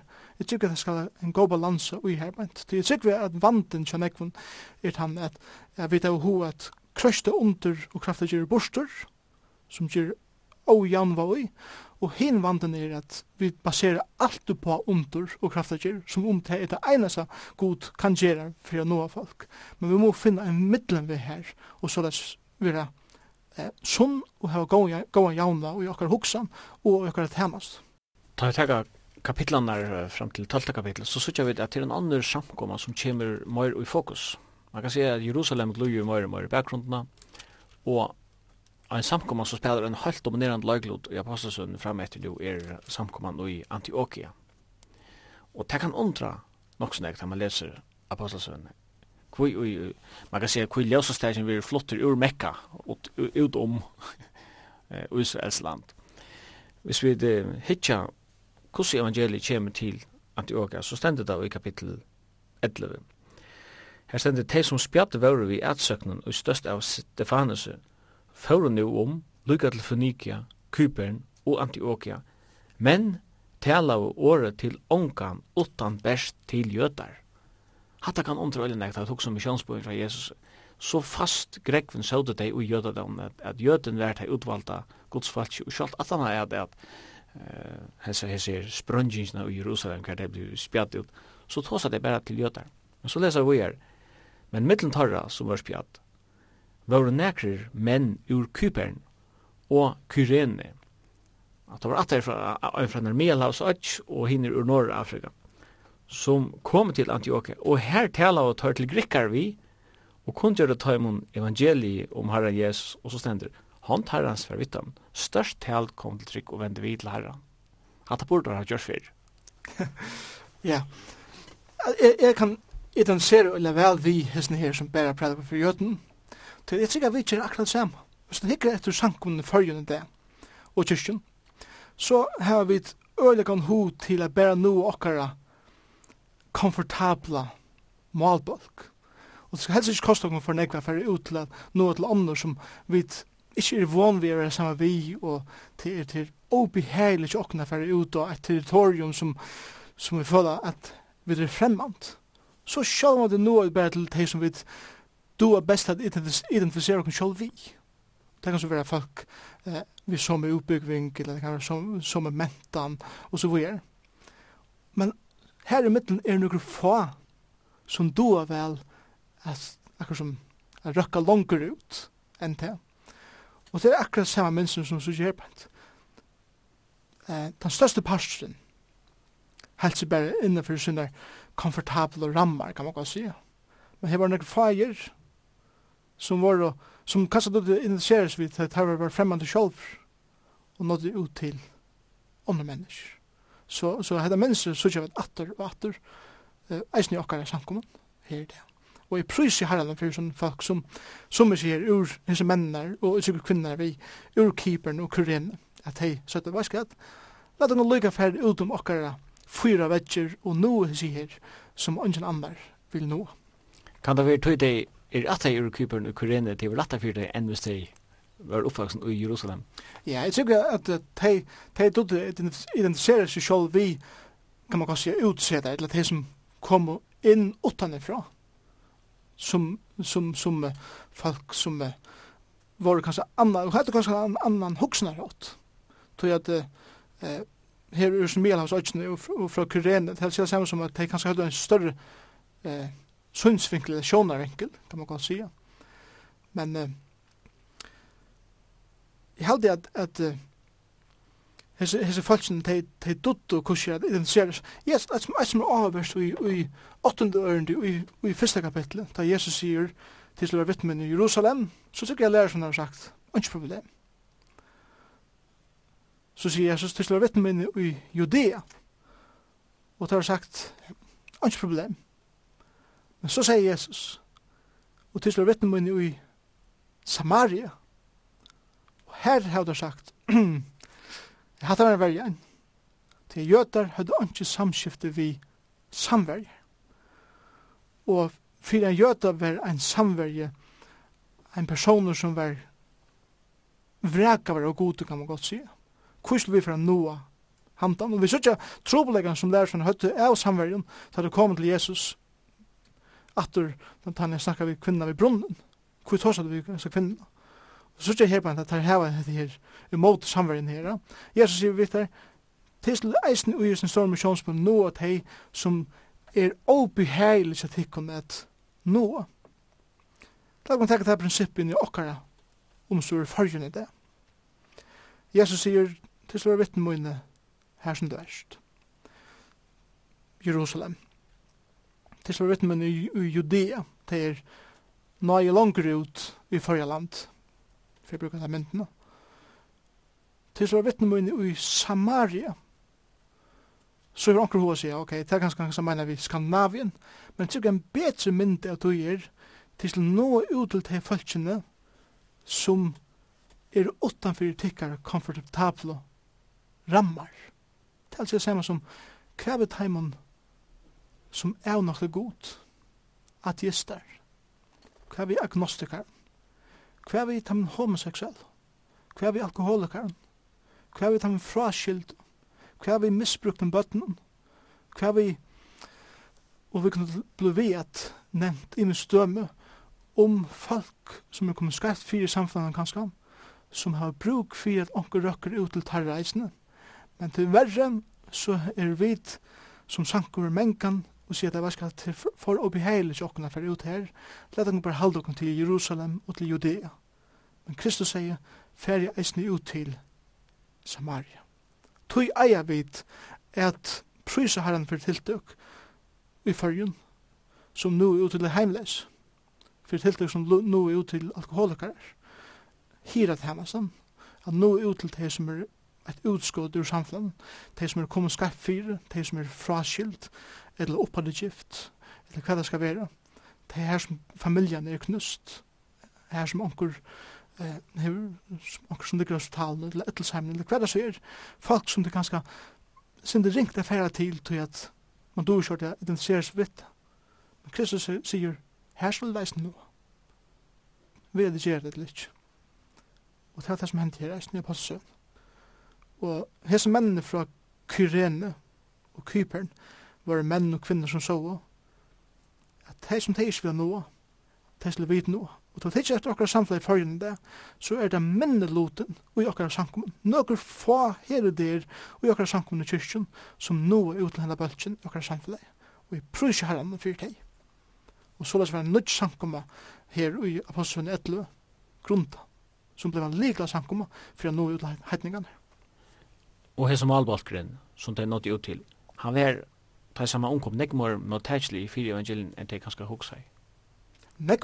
Og det er det som er så underfullt lysene, det er at til, til nekka som er obeheilt at nekka fyrsta stia fyrir hui, men da man hever tidsi fyrsta stia, så sørger vi at det er fullkomlig åpen, og sankumann hun blomar her bænt. Og, og vi leser her at det er fornegre menn omanfra Jerusalem til Antioquia, Og tar suttje her, tar kunne ikke gjerne annet enn prys herrene for det som hender, at herren er frels hes menneskene i eisene, tog at eit av argumenten i apostelsen, og eit av endamålen i apostelsen er, til Lukas jeg viser, at evangeliet er universalt for alle mennesker, for hetninger vi, og her suttje vi et døme på det, at en sankoma vil etablera. Paulus, Barnabas og, og er, er her bant og tar opplæra sankumma i vevun eller i vei Kristus. Det stender i vers 21 at størst tal kom til Rikv i Antioquia. Og vers 24 stender atter og ene fortret, og større skærer var vunnen for herran, Og satt ni leser vi om at han kom og lærde større skærer. Jeg har ene forlyse av noe som Paul Young Chuhu skriver fra, han fra Sur-Korea. Han sier at tallet av de tryggvande i samkunnet i Antioquia meter han jo li om 2-300 tusen. Jeg vet ikke hva han heter fra, men så det sier han. Men det var en, var en, sjåan det en stor bøyer, og det var en utrolig områdende bøyer, rent, bei handelsmessig, og eisne eh, ferferande ui til tøyene. Det var en likla bøyer som faktisk, kan man godt sige, bant Europa sammen vi fjerde estre, bant i middelen her, bant. Og det er flottningur fra Mialhavnen og bei Estret og Vestret, som skulle bei komme fra Mialhavnen og så ut i Mialhavreisene, for i kjøkkenen Antioquia. Og, og det var en multikultureller bojerreisen, ikke som Jerusalem var. nekvar i imiske nasjon boer. Det var store bojer, og jeg tykker vi at, at det kan godt være at sannleik jo jeg vet ikke hva han finnes tølen herfra, men hvis man hikker ljósen av hvordan store bojer var, hvordan multikultureller er, var, så tykker vi det vil være en ekvelig stor samkomma. Så kommer Barnabas ur Jerusalem til Antioquia, og han ser hva det er hent. Her er ørgrunna, kanskje tusunder av grikkon, som er høytningakristen, og de har ganske omgang hørt om Moses. De har ikke peiling av hva det tutsjeboen uh, dreier seg om, og uh, maten de, de klea seg på, og frisyrer og sånne, hever, hever slett ikke matcha vi jødadom. Og han sier, hva skal, hva skal vi gjøre vi alt det her? så fer han til Tarsis og finner en avkjendan mann ta Paulus, en med som hever gammel til bostur, kanskje ta i flere år, og teker han og fører han til Antioquia. Eh, han har vært her ideelle anboi og vær han her et halvt år og lærte en stor skære i Antioquia. Han heter jødiske bergrundene, men han har også til multietniske bergrundene som skulle til. Her, her er herren sett tvær menn sammen som var vært det ideelle teamet, kan man godt si. Barnabas, vi tar som Barnabas, han var en nøye rydtje eh, maveren som yngste at drøkke ut av hjelp og øren allais. Han var maveren vi, ja, kan man godt si, hira hjertan, som jeg tror kanskje var maver som hever dama vel at sitte rundt om et bor, vi kanskje ein eller 200 timer rundt om seg, og hun blir jo her, eller, ja, tar bli av nokre stater, høtter rutler, som tar rutler ut, og, og tar lovsjøkken skriftene. Men Paulus er vært hin typa, han er vært hessen er veldig visionæren, han er vært han som uttaler til stora mongter, og han hever finnes folk visser i tjenestene. Hes mennene vera setter saman, og tar vera helt år herbant. Barnabas vi som jødsko bakgrunn, som hever givet en gav balans i Paulus som hever, som, som var ikke oppvoksen i en jødskund kultur. Sjått om han var utbyggd i Jerusalem, så, vi, så oppvaks han i Tarsus, mittlen grikkar, og han dodde vel at skilja tamentene. Så, så, og hentan hatt har det eisne et godt, vel egna team eller per herbant som tæner. Et, uh, en setning som er, er fantastisk herbant i 11. kapitlet, det er um, her om um, om Barnabas, til han gå med vår fotler av heilig andan og trygg. Han fotler heilig andan, til er heilig andan styrer hans liv. Men eisen er en med som fotler i trygg, trygg vil han nå ikke. Trygg er til at jeg sørger nega vi som troar egen som enn ikke er fysisk. Men han, han, han ser nega fyrir seg, og, og han, han ser nega, han tår å støye uten noen lyfter som kanskje som han ikke veit kan være det ber enn. Men han veit at herren er vi og er tætjen sin stien. Og han, han ser beina av ui i Jesus samkomne her i Antioquia. Men han ser eisen nu, han er eimig nok til å sutja, men jeg har bruk for hjelp. For til Tarsus finner Paulus og i et heilt år, jeg tror ikke jeg hadde år i her, jeg vil være et likle år i samkomne i Antioquia. Hvert her har lært allar grundlærerne som Kristus lært og det har hjulpet samkomne her å finne en sunna og gode balanse, medan jeg trykker samkommende i Jerusalem, og kjøkken hins og tøyene, er begynt å halta nok snakk. Og det er så ikke at det var kommet ut i 15. kapittel, at, det, at samkomne i Jerusalem var kastet blivna samkomne som var blivna så mykje innadvendt at han helt at fyrir ikke kunne gjøre som kristen måste fyrst gjøres en jøte. Det som hender er til at nu fer mor samkomne i Jerusalem er få hjelp fra samkomne som er samansett av hedning og derfor hjelp av samkomne i Jerusalem er få en sunn og avskåen av atlan gods vi samkomne Hvis vi vet at du fyllt under godsennast i Antioquia og samarbeidarna vi i Jerusalem så er det vi en øylig måneder vekna til etniske bakgrunnar som, som falskene høyde. Og så leser vi jo i apostelsøvn at en av så kom nøkker ur Jerusalem og ville tvinga jødiska sier om man iver eh, til heidninga kristne og i Antioquia. Det er nesten som en, en slags pava kyrkja som kommer her og vil eh, krøsta nekka iver høtti av øren. Det var en, en stor trobelage i samkommen i Jerusalem sankumann i Jerusalem heit at det er privilegium at det var den første sankumann og, og samtidig som det var privilegium så kan man godt si at det var et haft om beinen i eisen til at man huksar at sankumann i Jerusalem er såleis hun er strukturen er såleis og mentan er såleis så er alle ære sankumar eisen er akkur loika som blei haft om beinen Og de måtte komme til en situasjon hvor de sier at vi må sluta fra oss ned. Og det hendte så i 15. kapitlet, hver det kom bort fra tog. Altså, Apostelsson er en så fantastisk bok til at det kommer til sankum arbeid, til at hun lærer oss så om medelendikker området med regler. Til at vi sørger at det samme minstens rent søvelige.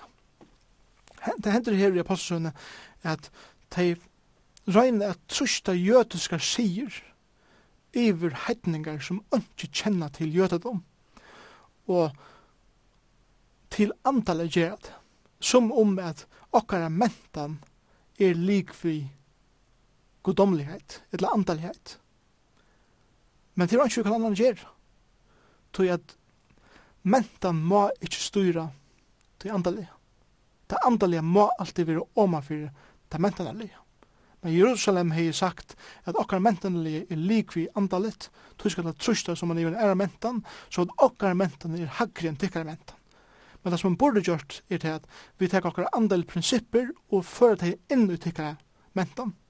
Ikki, ikki på den måten at tæra mentan skal livas i samkomne, tog at ikke vi at andalighet er oman for mentan, til seg det samme som at samkomne i Antioquia som var en heie mentan, som var heie mentan, kunne godt ha noen element fra sin elementan, men det var eisen noen element fra det egne elementan som skulle borster, og her også om det sindige og i mentan, tog at alt ma vujtja fire åregods som er det absolutte i ætlen. Trobeleisen ut det og i sankum samkommet søvn, ser en den største trobeleisen, eller et av største mistaket som ønskjer, eller rettere sagt, ja, særlig ønskjer, men eisen europeiske trobeleisen, gjør du i 16. og 18. alt, var det at her får til eh, Afrika, tar for til Asien, og tar for til ærer heimsparster. Vi synar viktorianske hugsan om hva kristendommer vær. Og trusti hana høtti iver en afrikanare som var oppvoksen i en fullkomlig ærer mentan. Og som gjør det til at nu skulle knapplega kvinner gengu kjola fra at genga naknar. Nu skulle knapple ha en hatt av høttenen. Nu skulle knapple begynna sinja sanger av, av John og Charles Wesley og, og Øren, og som ikke hever teramentene gjerra. Men troborn som kom til Afrika sier, viktorianske kristendommen er likvann likvi andalighet. Og hadde vi gjort en omedelig skia, bæg i afrikansk samkommun og eisni i asiatiskun og suran amerikanskun, eh, samkommun som de enn i det løye av 2-300 år setten. Og, og vi må læra fra apostelsunne at vi må være eimig nok til å si hette er grunntjattnan båskaperen av Jesus Kristus, døye for mennesker, og han til alt mennesker her som de er, og i sunne mentan. Og vi må tog læra kunngjere på tæra båskap i tæra egne mentan, her grunnkjadnan av båskapen sjálvun skal brøyta tarra mentan, ta öndu tarra mentan, medan det enn halda ta sunna tarra mentan, og ta jeg nevnt ta sunna tarra mentan, så hugsi om, lagun teka Afrika til dømes, ta vi kunnkjera evangeliet i Afrika, så må de sinja syna sanjer, Det er samme som det fyrir nek vittlare, det fyrir nek rytmiskare, det mun bruka synar bongo og kongotrummer, eller hva det skal vera, det mun bruka syn måte at utsykja sinne personlighet på, um, Ta må det slippe gjøre. Samtidig som det er andre antitarmentan, man var trøst bort, her hukse om det er korrupta, her hukse om eh, avgudadiskan, her hukse om öttan og trældomen av anton anton, og så videre. At evangeliet trøstet til borster, men det heldet det sunna, det er god til å skapt ødel mennesker, eh, og ha imskan hatt. Og det må vi gå til. Og jeg tykker at vi vil teka heim til okken i fyrir i det, så lærer vi et samme prinsippet, at jeg må ikke komme eh, og trusta min måte at tilby gode på i en annan. Til at til imisk slø av samkommun, til imisk slø av menneskjen. Ved det. Eisen i okkar land. Tøy er det så stuttlet, halde jeg, at suttja hvordan imisk samkommun er fyrir ned. Særlig okkar strukturer og i, i veremat. Sommar samkommer klappa og hoppa og synja, og er samkommer er og meira eh, fria lir. Men det er ikke samme som at andre gods er meir til stier og i ene steg enn en høren. Det er bare imiske måter at uttrykja okkara andalighet og godstyrskan oppa. Og, og tog jeg vil ikke være fordømande i forkunneren hvordan vi uttrykja okkara trygg var Jesus Kristus en uh, luthersk gudstjenest i Afrika, hon kan kanskje være livligere enn en karismatisk gudstjenest i Førjum. ja, det er ikke jeg som tog, sjølvant. Jeg leser ångstene at det er å øyne nekvar imiskar, altså truar balkar, eller imiske truar balkar. Men det er alt som til alt. Nå hukker jeg ikke om, nå hukker jeg ikke om kultar balkar, nå hukker jeg om sundar eh, truar balkar som, som verliga fylgja krist. Grunnleggjande er, er det det samme, men bare støyleren, er fullkomlig annerledes. Og jeg har ferast nek, og jeg ser sett øynek imist. Og, og det, det er helt fantastisk. Jeg, jeg glemmer omgang det. Eh, vi var en svarstare sankum i, i, Dallas, da vi bor i Dallas. Og det er en sankum på 3000 folk. Tan dagen var tvei kvot, og det var jeg og kona min. Og, og jeg har aldri oppleva nega, nega slukt. De hoppa og de dansa og de utstrålende fantastiske glede og, og er det var fantastisk, men jeg sjølver i min personlighet, kanskje i langt når jeg ikke trives der, til at jeg har nære personlighet. Og, og, og så har vi vært samkommet om hver, hver öll, ja, man vet ikke, man vet ikke om det var et, en kyrkjegar eller om det var en samkomma, du veist. Samtidig som de folkene innebor en utrolig kærlega til Kristus. Og det som jeg har lært av tog er til at jeg er ikke fordømme til som er fullkomlige nekvittlærende, og heller ikke fordømme til som er nekrolige enn jeg er. Og jeg tror at det er nek ui tog eisene, at vi må ikke teka en annan kultur og røyna trøst han i råkon sjolv. Det er det som jeg ofta sutsi er til at Lad dem teka na kvita sankumme og hana negara sankumme. Så røyn tan kvita sankumman er vera lukka som tan svarta sankumman og i stil. Og jeg tykker at det er store sannleik i sin filmen White Man Can't Jump. Jeg vet røyne at, at utføre en stil som vi slik egnar til. Og jeg tykker at grunntjattnan i kristendommen er God til å skapte at han hotten som du har skapter, og at det her han ikke til å være, han ikke til å være til. Og han kan annan. Og hadde vi lært det, så hadde vi lært negv. Vi sikker at samkommunen i Antioquia og samkommunen i Jerusalem var tver samkommun som god arbeid lukkane i kjøkkenen, men tver imiska mynder på hvordan imest god arbeid vi følger. tar det om om mentalia integration. Ta kom ihåg som Hudson Taylor han för till Kina.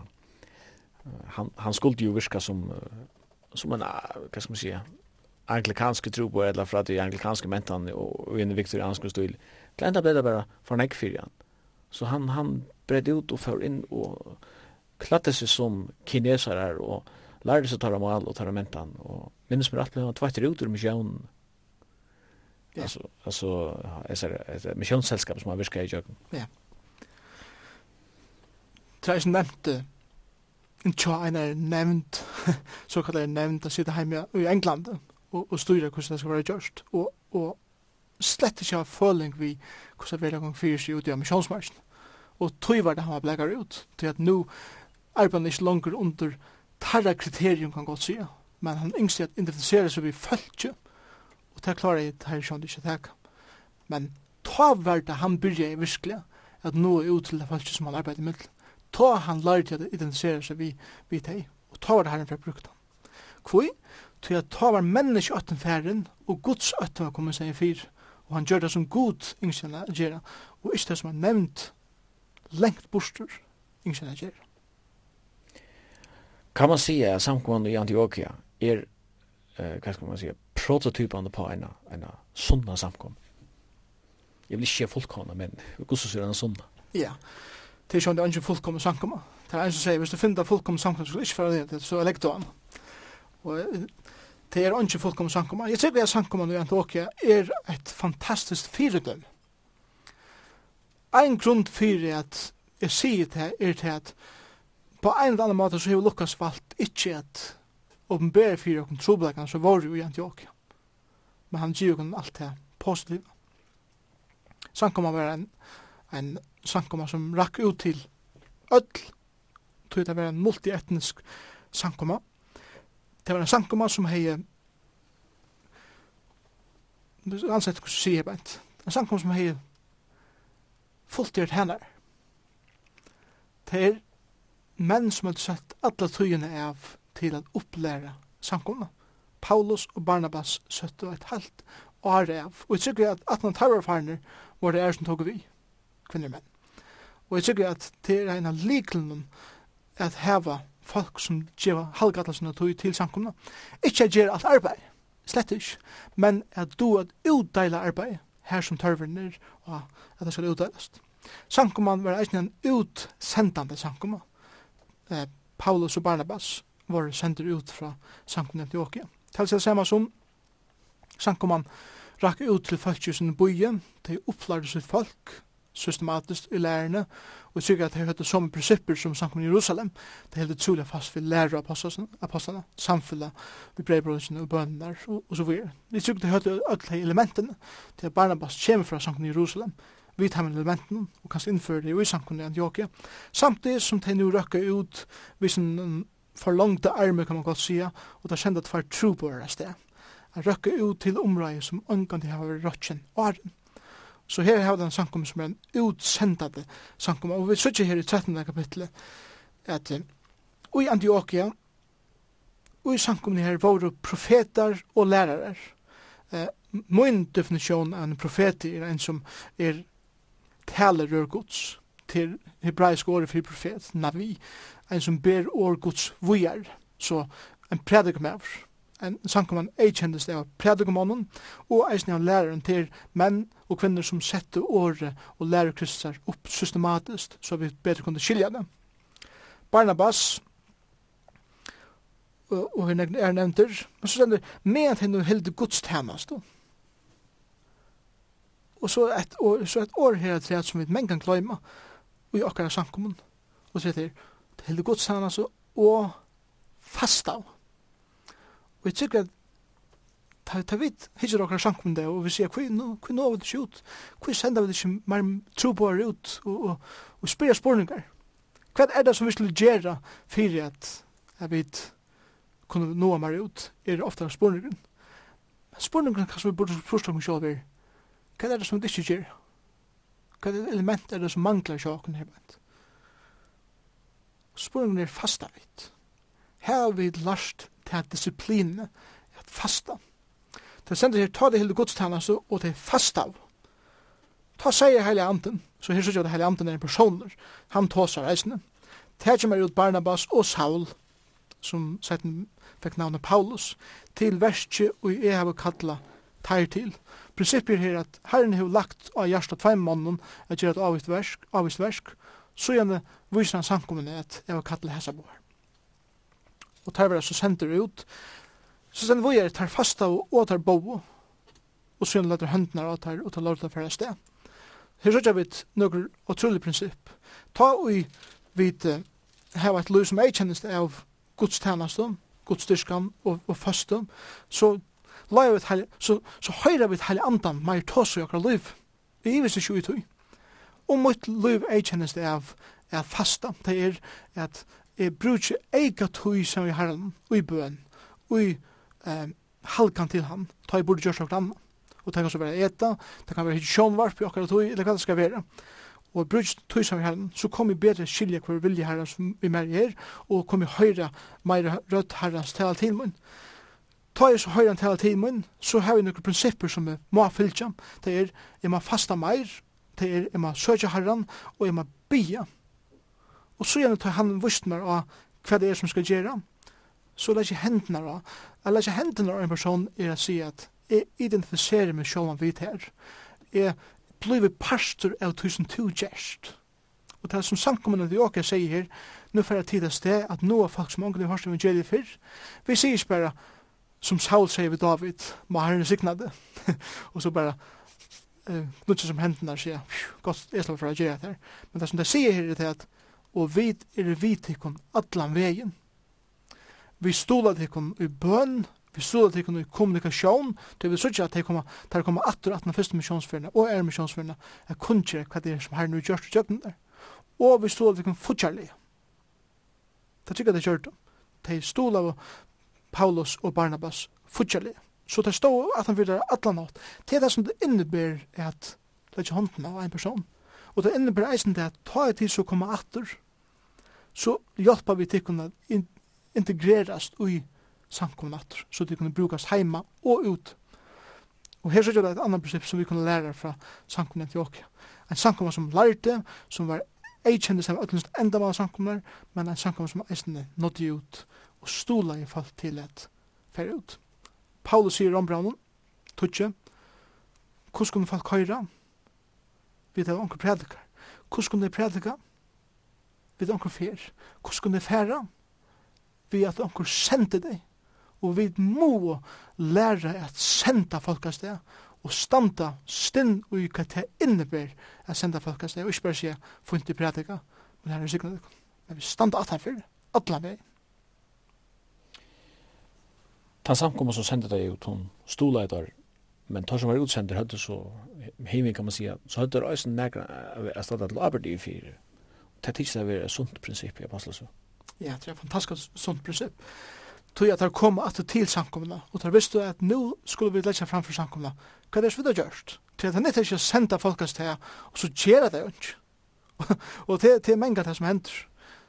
En som vi sänder ut hva det sier om til lengt borser, om til det er i sankum, da må være onker standi og for det. Jeg som en leier i en sankum, må eisen standi og arbeid til noen annan. Og, og vi er født såles, vi er skapt såles, vi er mynda i såles, vi må standi og aber til noen annan. Til at annars eh, her vi ikke er kjenslene at hese arbeidde kjenslene, Og, og Paulus og Barnabas visste allan vegin at vi er senter, men det innebærer eisne avbyrd. At få en framgjørat er ångandu minus avbyrd til alltid saman vi avbyrd. Hver en område i løyvinda sér. Og til eisne sikker jeg prinsipp i handle, eller hverjan det skal være. Framgjøratur innebär eisne avbyrd. Fralse innebär eisne avbyrd ja, vi kunde kanske se vi, vi avhörar jag kunde att det gagnet att studera samkomna i Antiochia till till, till verkligen kälta till inspiration. Och ett annat som vi kunde nämna till sambandet till det är att det första kristna det hade ju imisk namn och de de hörde till vittleflock nasareans och och så framvis. Men ett hems omfattande höjde det är or kristen. Och första för tabla kalla eller tabla kalla kristen det var just i Antioquia. Det var ju var väldigt äckna när började vi. Ja. Det var det. Det var, det var ett äckna som det finko. Som sjående kommer fra Kristus, fra Jesus och själven. Och, och det, det kom fra att höja att de kunnkörde Kristus som enas arbetet till frälse og de levde sitt liv, eller sine liv, etter de medreglene som Kristus er lærst. Og her, her kommer så året kristen fra. Og det er året kristen, eller og det er året kristen finnes en annan tøtning, kan man godt sige. Særlig i ljósen av hva Vesterheimeren omboer som kristendom. Og her også om navngivnen kristendom.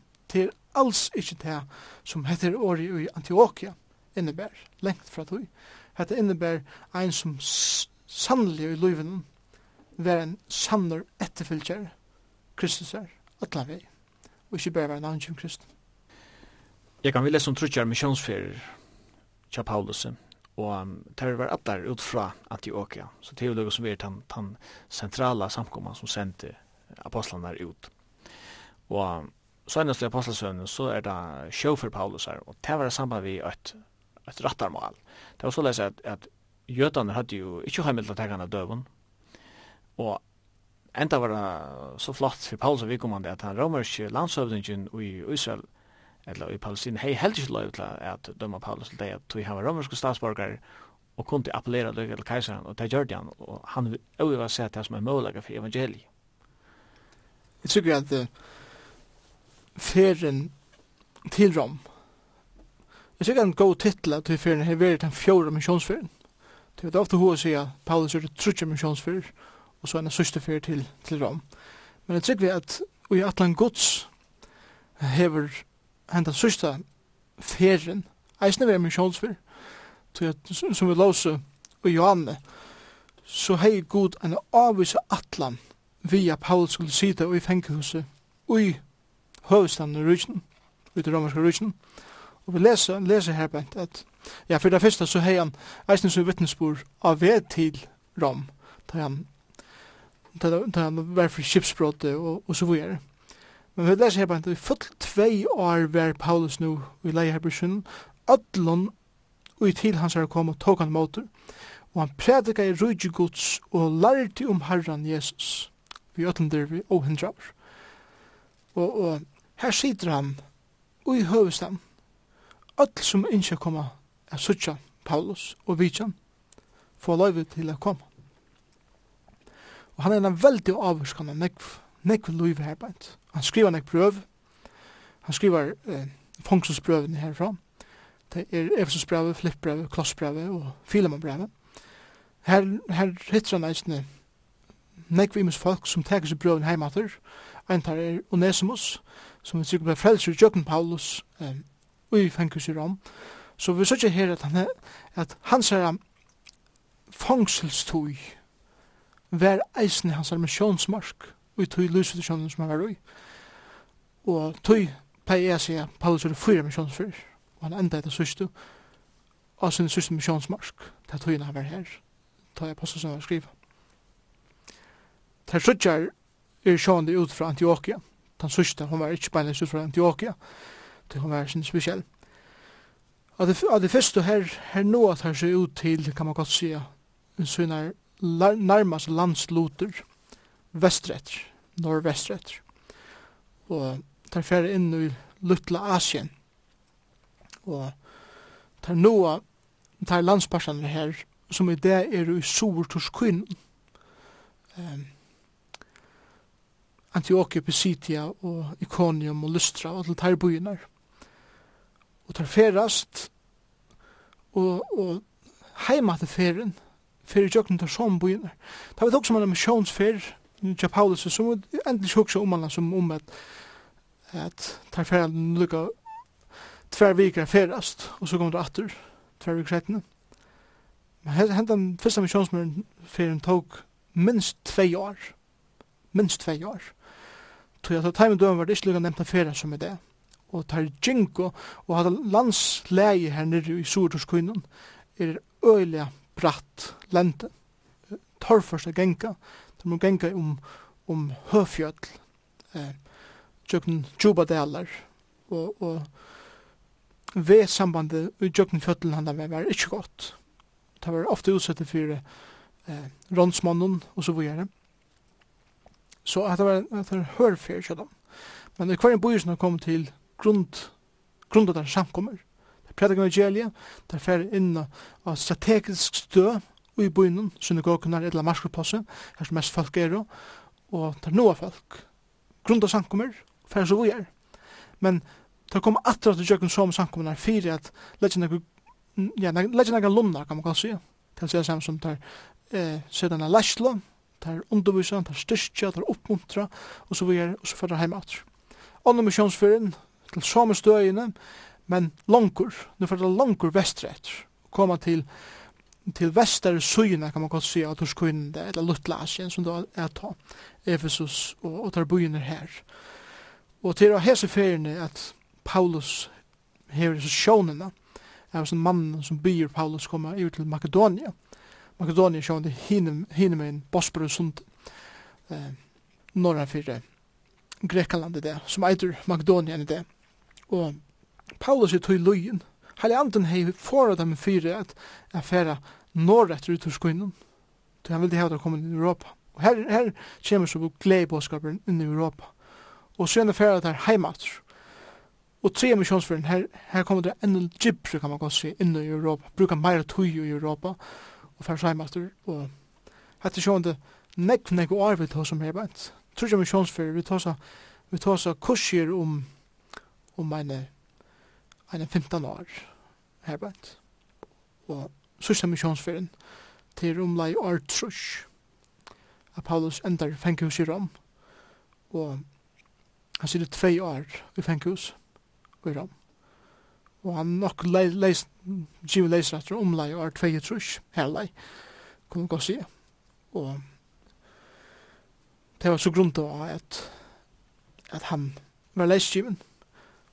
Ta var leisgiven, så får han atra vidjes og samkomnar, som han grunda i av sinne missionsferien, og grunda er er samkomnar eisne trykk vi, og setter andre vi til nu i tøynen til hånden kom at affæra vi er, i hessel løyvnen, og inn, eller, ja, inn i avlagan, hem til herren. Og jeg tykker at tøyen atana, vi kommer kanskje ta som etter, og ta om sier at Timotheus er brønn, her brukar Paulus syste tøyene, syste årene til å sette ånder vi til arbeid som han nu hever, fullførst vi apostelsøn. Apostelsøn, hon endar om her tvei trus. Her alai, vi leser ikke om forfylkingarna, altså, i, i tannmån som søvann vil være vi hendt vi under Nero, etter at Rom brente. Men uh, man, man fær lukka som inntrykk av tog at til øyla forfylkingar som fær gong, tar vi leser 17 til Tessabrak av Paulus, som vi tar i skriva 17. Men hvis vi tar halda okken til til tøyar skøye som apostelsøen fevner om Jesus uh, fyrir himmels, fyrsta kapitlet, og vi kommer fram til år 2. Det er ikke gynnsin 35 år. Og båskapen om Kristus er nått ut til så godt som allan han tar kjent og civilisera i heimen, og at det finnes kristne samkommer kring alt mye alhav. Det er helt utroligt, da man leser det. Ja, det er helt fantastisk. Og, og anker heldur at, at, at Paulus kanskje nått du helt til, til Spanien. Det vet jeg ikke, men vet jeg fra Romprana, han er ikke ferdig til Spanien. Og onker helter, men hette bare en, en tese, at da han var leiskiven ur fengkusen i Rom, var tvei trus, så var et av hans høvesmål at noe enda langer vestret til Spanien. Det vet jeg ikke. Men altså, jeg sutja tar vi ferdig fra Apostelsson 1-8, tar er her bænt oppi av fjallen Jesus fyrir til himmels. Angin sankum i grunda enn. Heil anden er ikke komin enn. Og nu kommer til endan av passasun. Vi er i høvestaden ui til romverska rujkjunum. Og sankum er jo føddar atlasaner. Og til for meg å si, ja, men altså, det teker dere sjående at du til dette verset i Apostelsunni 1.8. Tid skulle få kraft ta i heile anden kjemur, og ti skulle vera vittne mine. Og det tekur okken alla tøyina atter til det godomlige ui ötlens nir. Tøy at te er Paulus og Peter og atler og atler hine sama vidheimen gjør det sitt versk. Det var ikke annet enn det som det var bytner kjer. Og det var ikke menneskeverst det var gjørt til at sjolver hadde aldri kunnet gjøre seg til. Men heile anden som gav ham til kraftene. Og det som der vittna om Jesus Kristus, det var det som skapte liv. Og det er det som skapte liv enn i det. Og om, om jeg regner jeg gjør han i min egen kraft, og ikke i kraften som Jesus hos om her i Apostelsen 1.8, så er mitt, mitt tjeneste, mitt versk, til fanløydes. Det er ikke verst. Og tar vi ikke etter og vi ser hvordan fantastisk det er, så sier jeg, ja, men sjålant, god gjør det sitt arbeid. God gjør sitt arbeid enn i det. Og jeg sikker vi at vi, vi sier mengene at det stendes ut til vi samkommende, og vi er ofte ho og hitja ekkert svarskikt og dæberskikt er at samkommen god til det. Men jeg tykker vi at god er fullkomlig og nøyaktig og i sinne tøyer atlan i sin verste som han bygger samkomne opp her og gjør.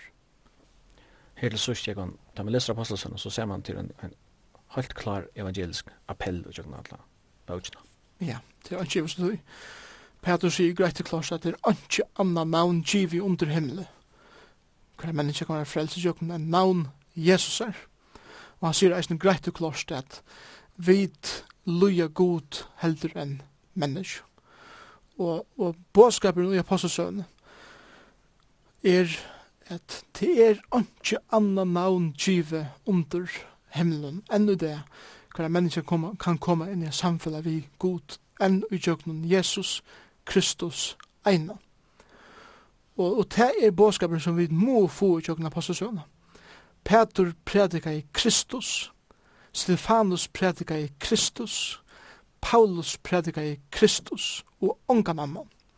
Og vi må læra fra tarra fyrirdom at grunnvøtlen i Kristus, han er han som vi bytja av, og det einaste vånen som nega menneska hever og hese gjøre det, og i okkara landet, og i okkara byen her, i føyen, okkara bygdom, er Jesus Kristus og ønske annan og folk ble frelst, de kom til trygg, til det så at det var en person som er tidsi tæra synda skuld på seg sjálvan, og han, han er gjørst vegin slattan inntil god atr. Og vi er teg mot honom, så at jeg vi kunne komme i samfunnet ved Jesus Kristus atr. Og det er bådskapen som vi ber enn det.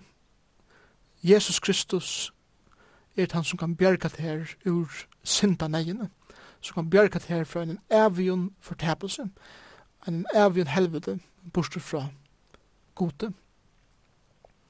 Ein av kraften, for at det er lok som, som høyre herran til, det er hans nei, ein av kraften som vi kunne bytja nekka som helst ui, til kraft herre andans. Om er røyne jeg gjerra nekka utanfyr kraft herre andans, så vil det holmer og hodj som vil brent borster som ønsker å tøye. Herren signar sitt arbeid, men han signar ikkje med om vi ikkje brukje hans er kraft, og ikkje møyna. Og tøy ma er daglig, det og daglig, kvann tøy ma er det når vi er filter av andre gods, og vi må løyve hånden at fylla meg til kraftene som er tørver. Og ta lærer vi det eisen i apostelsundet. Vi lærer om at folk som hadde en brennande, brennande langsla tjena god. Vi lærer om folk i apostelsundet som hadde en framurskærande trygg, en framurskærande halgan, en framskerande eh, trygg til at, at utstråla glede som de høtte i Kristus. Og han måtte vite Lars som sankummer eisen aften sier sier eisen i det. Vi lærer eisen fra apostelsunnen hva vi ikke er gjerra, tog apostelsunnen lyser eisen fyrir nek mistøk som samkommet gjør det. Vi lærer eisen fra apostelsunnen at, at det var en sankumman som rakk ut i hiret hennes til hver annan, han tega seg av hver nøyrum, og måtte vite Lars til eisen vi tar lærer apostelsøvne, at andre måneder vi gjør av grikka, heitningi etla jøta. Kristus elskar öll mennesk, og til det som vi innskja eisne er kunnskjer i det. Kristus elskar te, han heldt at to vart verdur og dodja fyre, heldt at han er verdur, at trykva, te er tøyn løvsomfædande spurningur som er grundavur av hesa bók.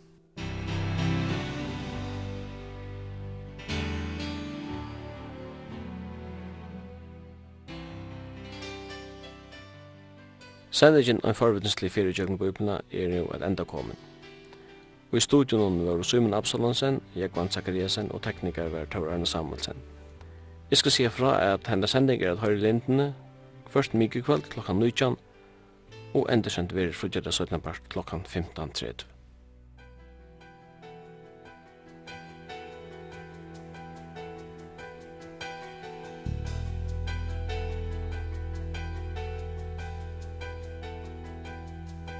When he rolls up his sleeves He ain't just putting on the Ritz.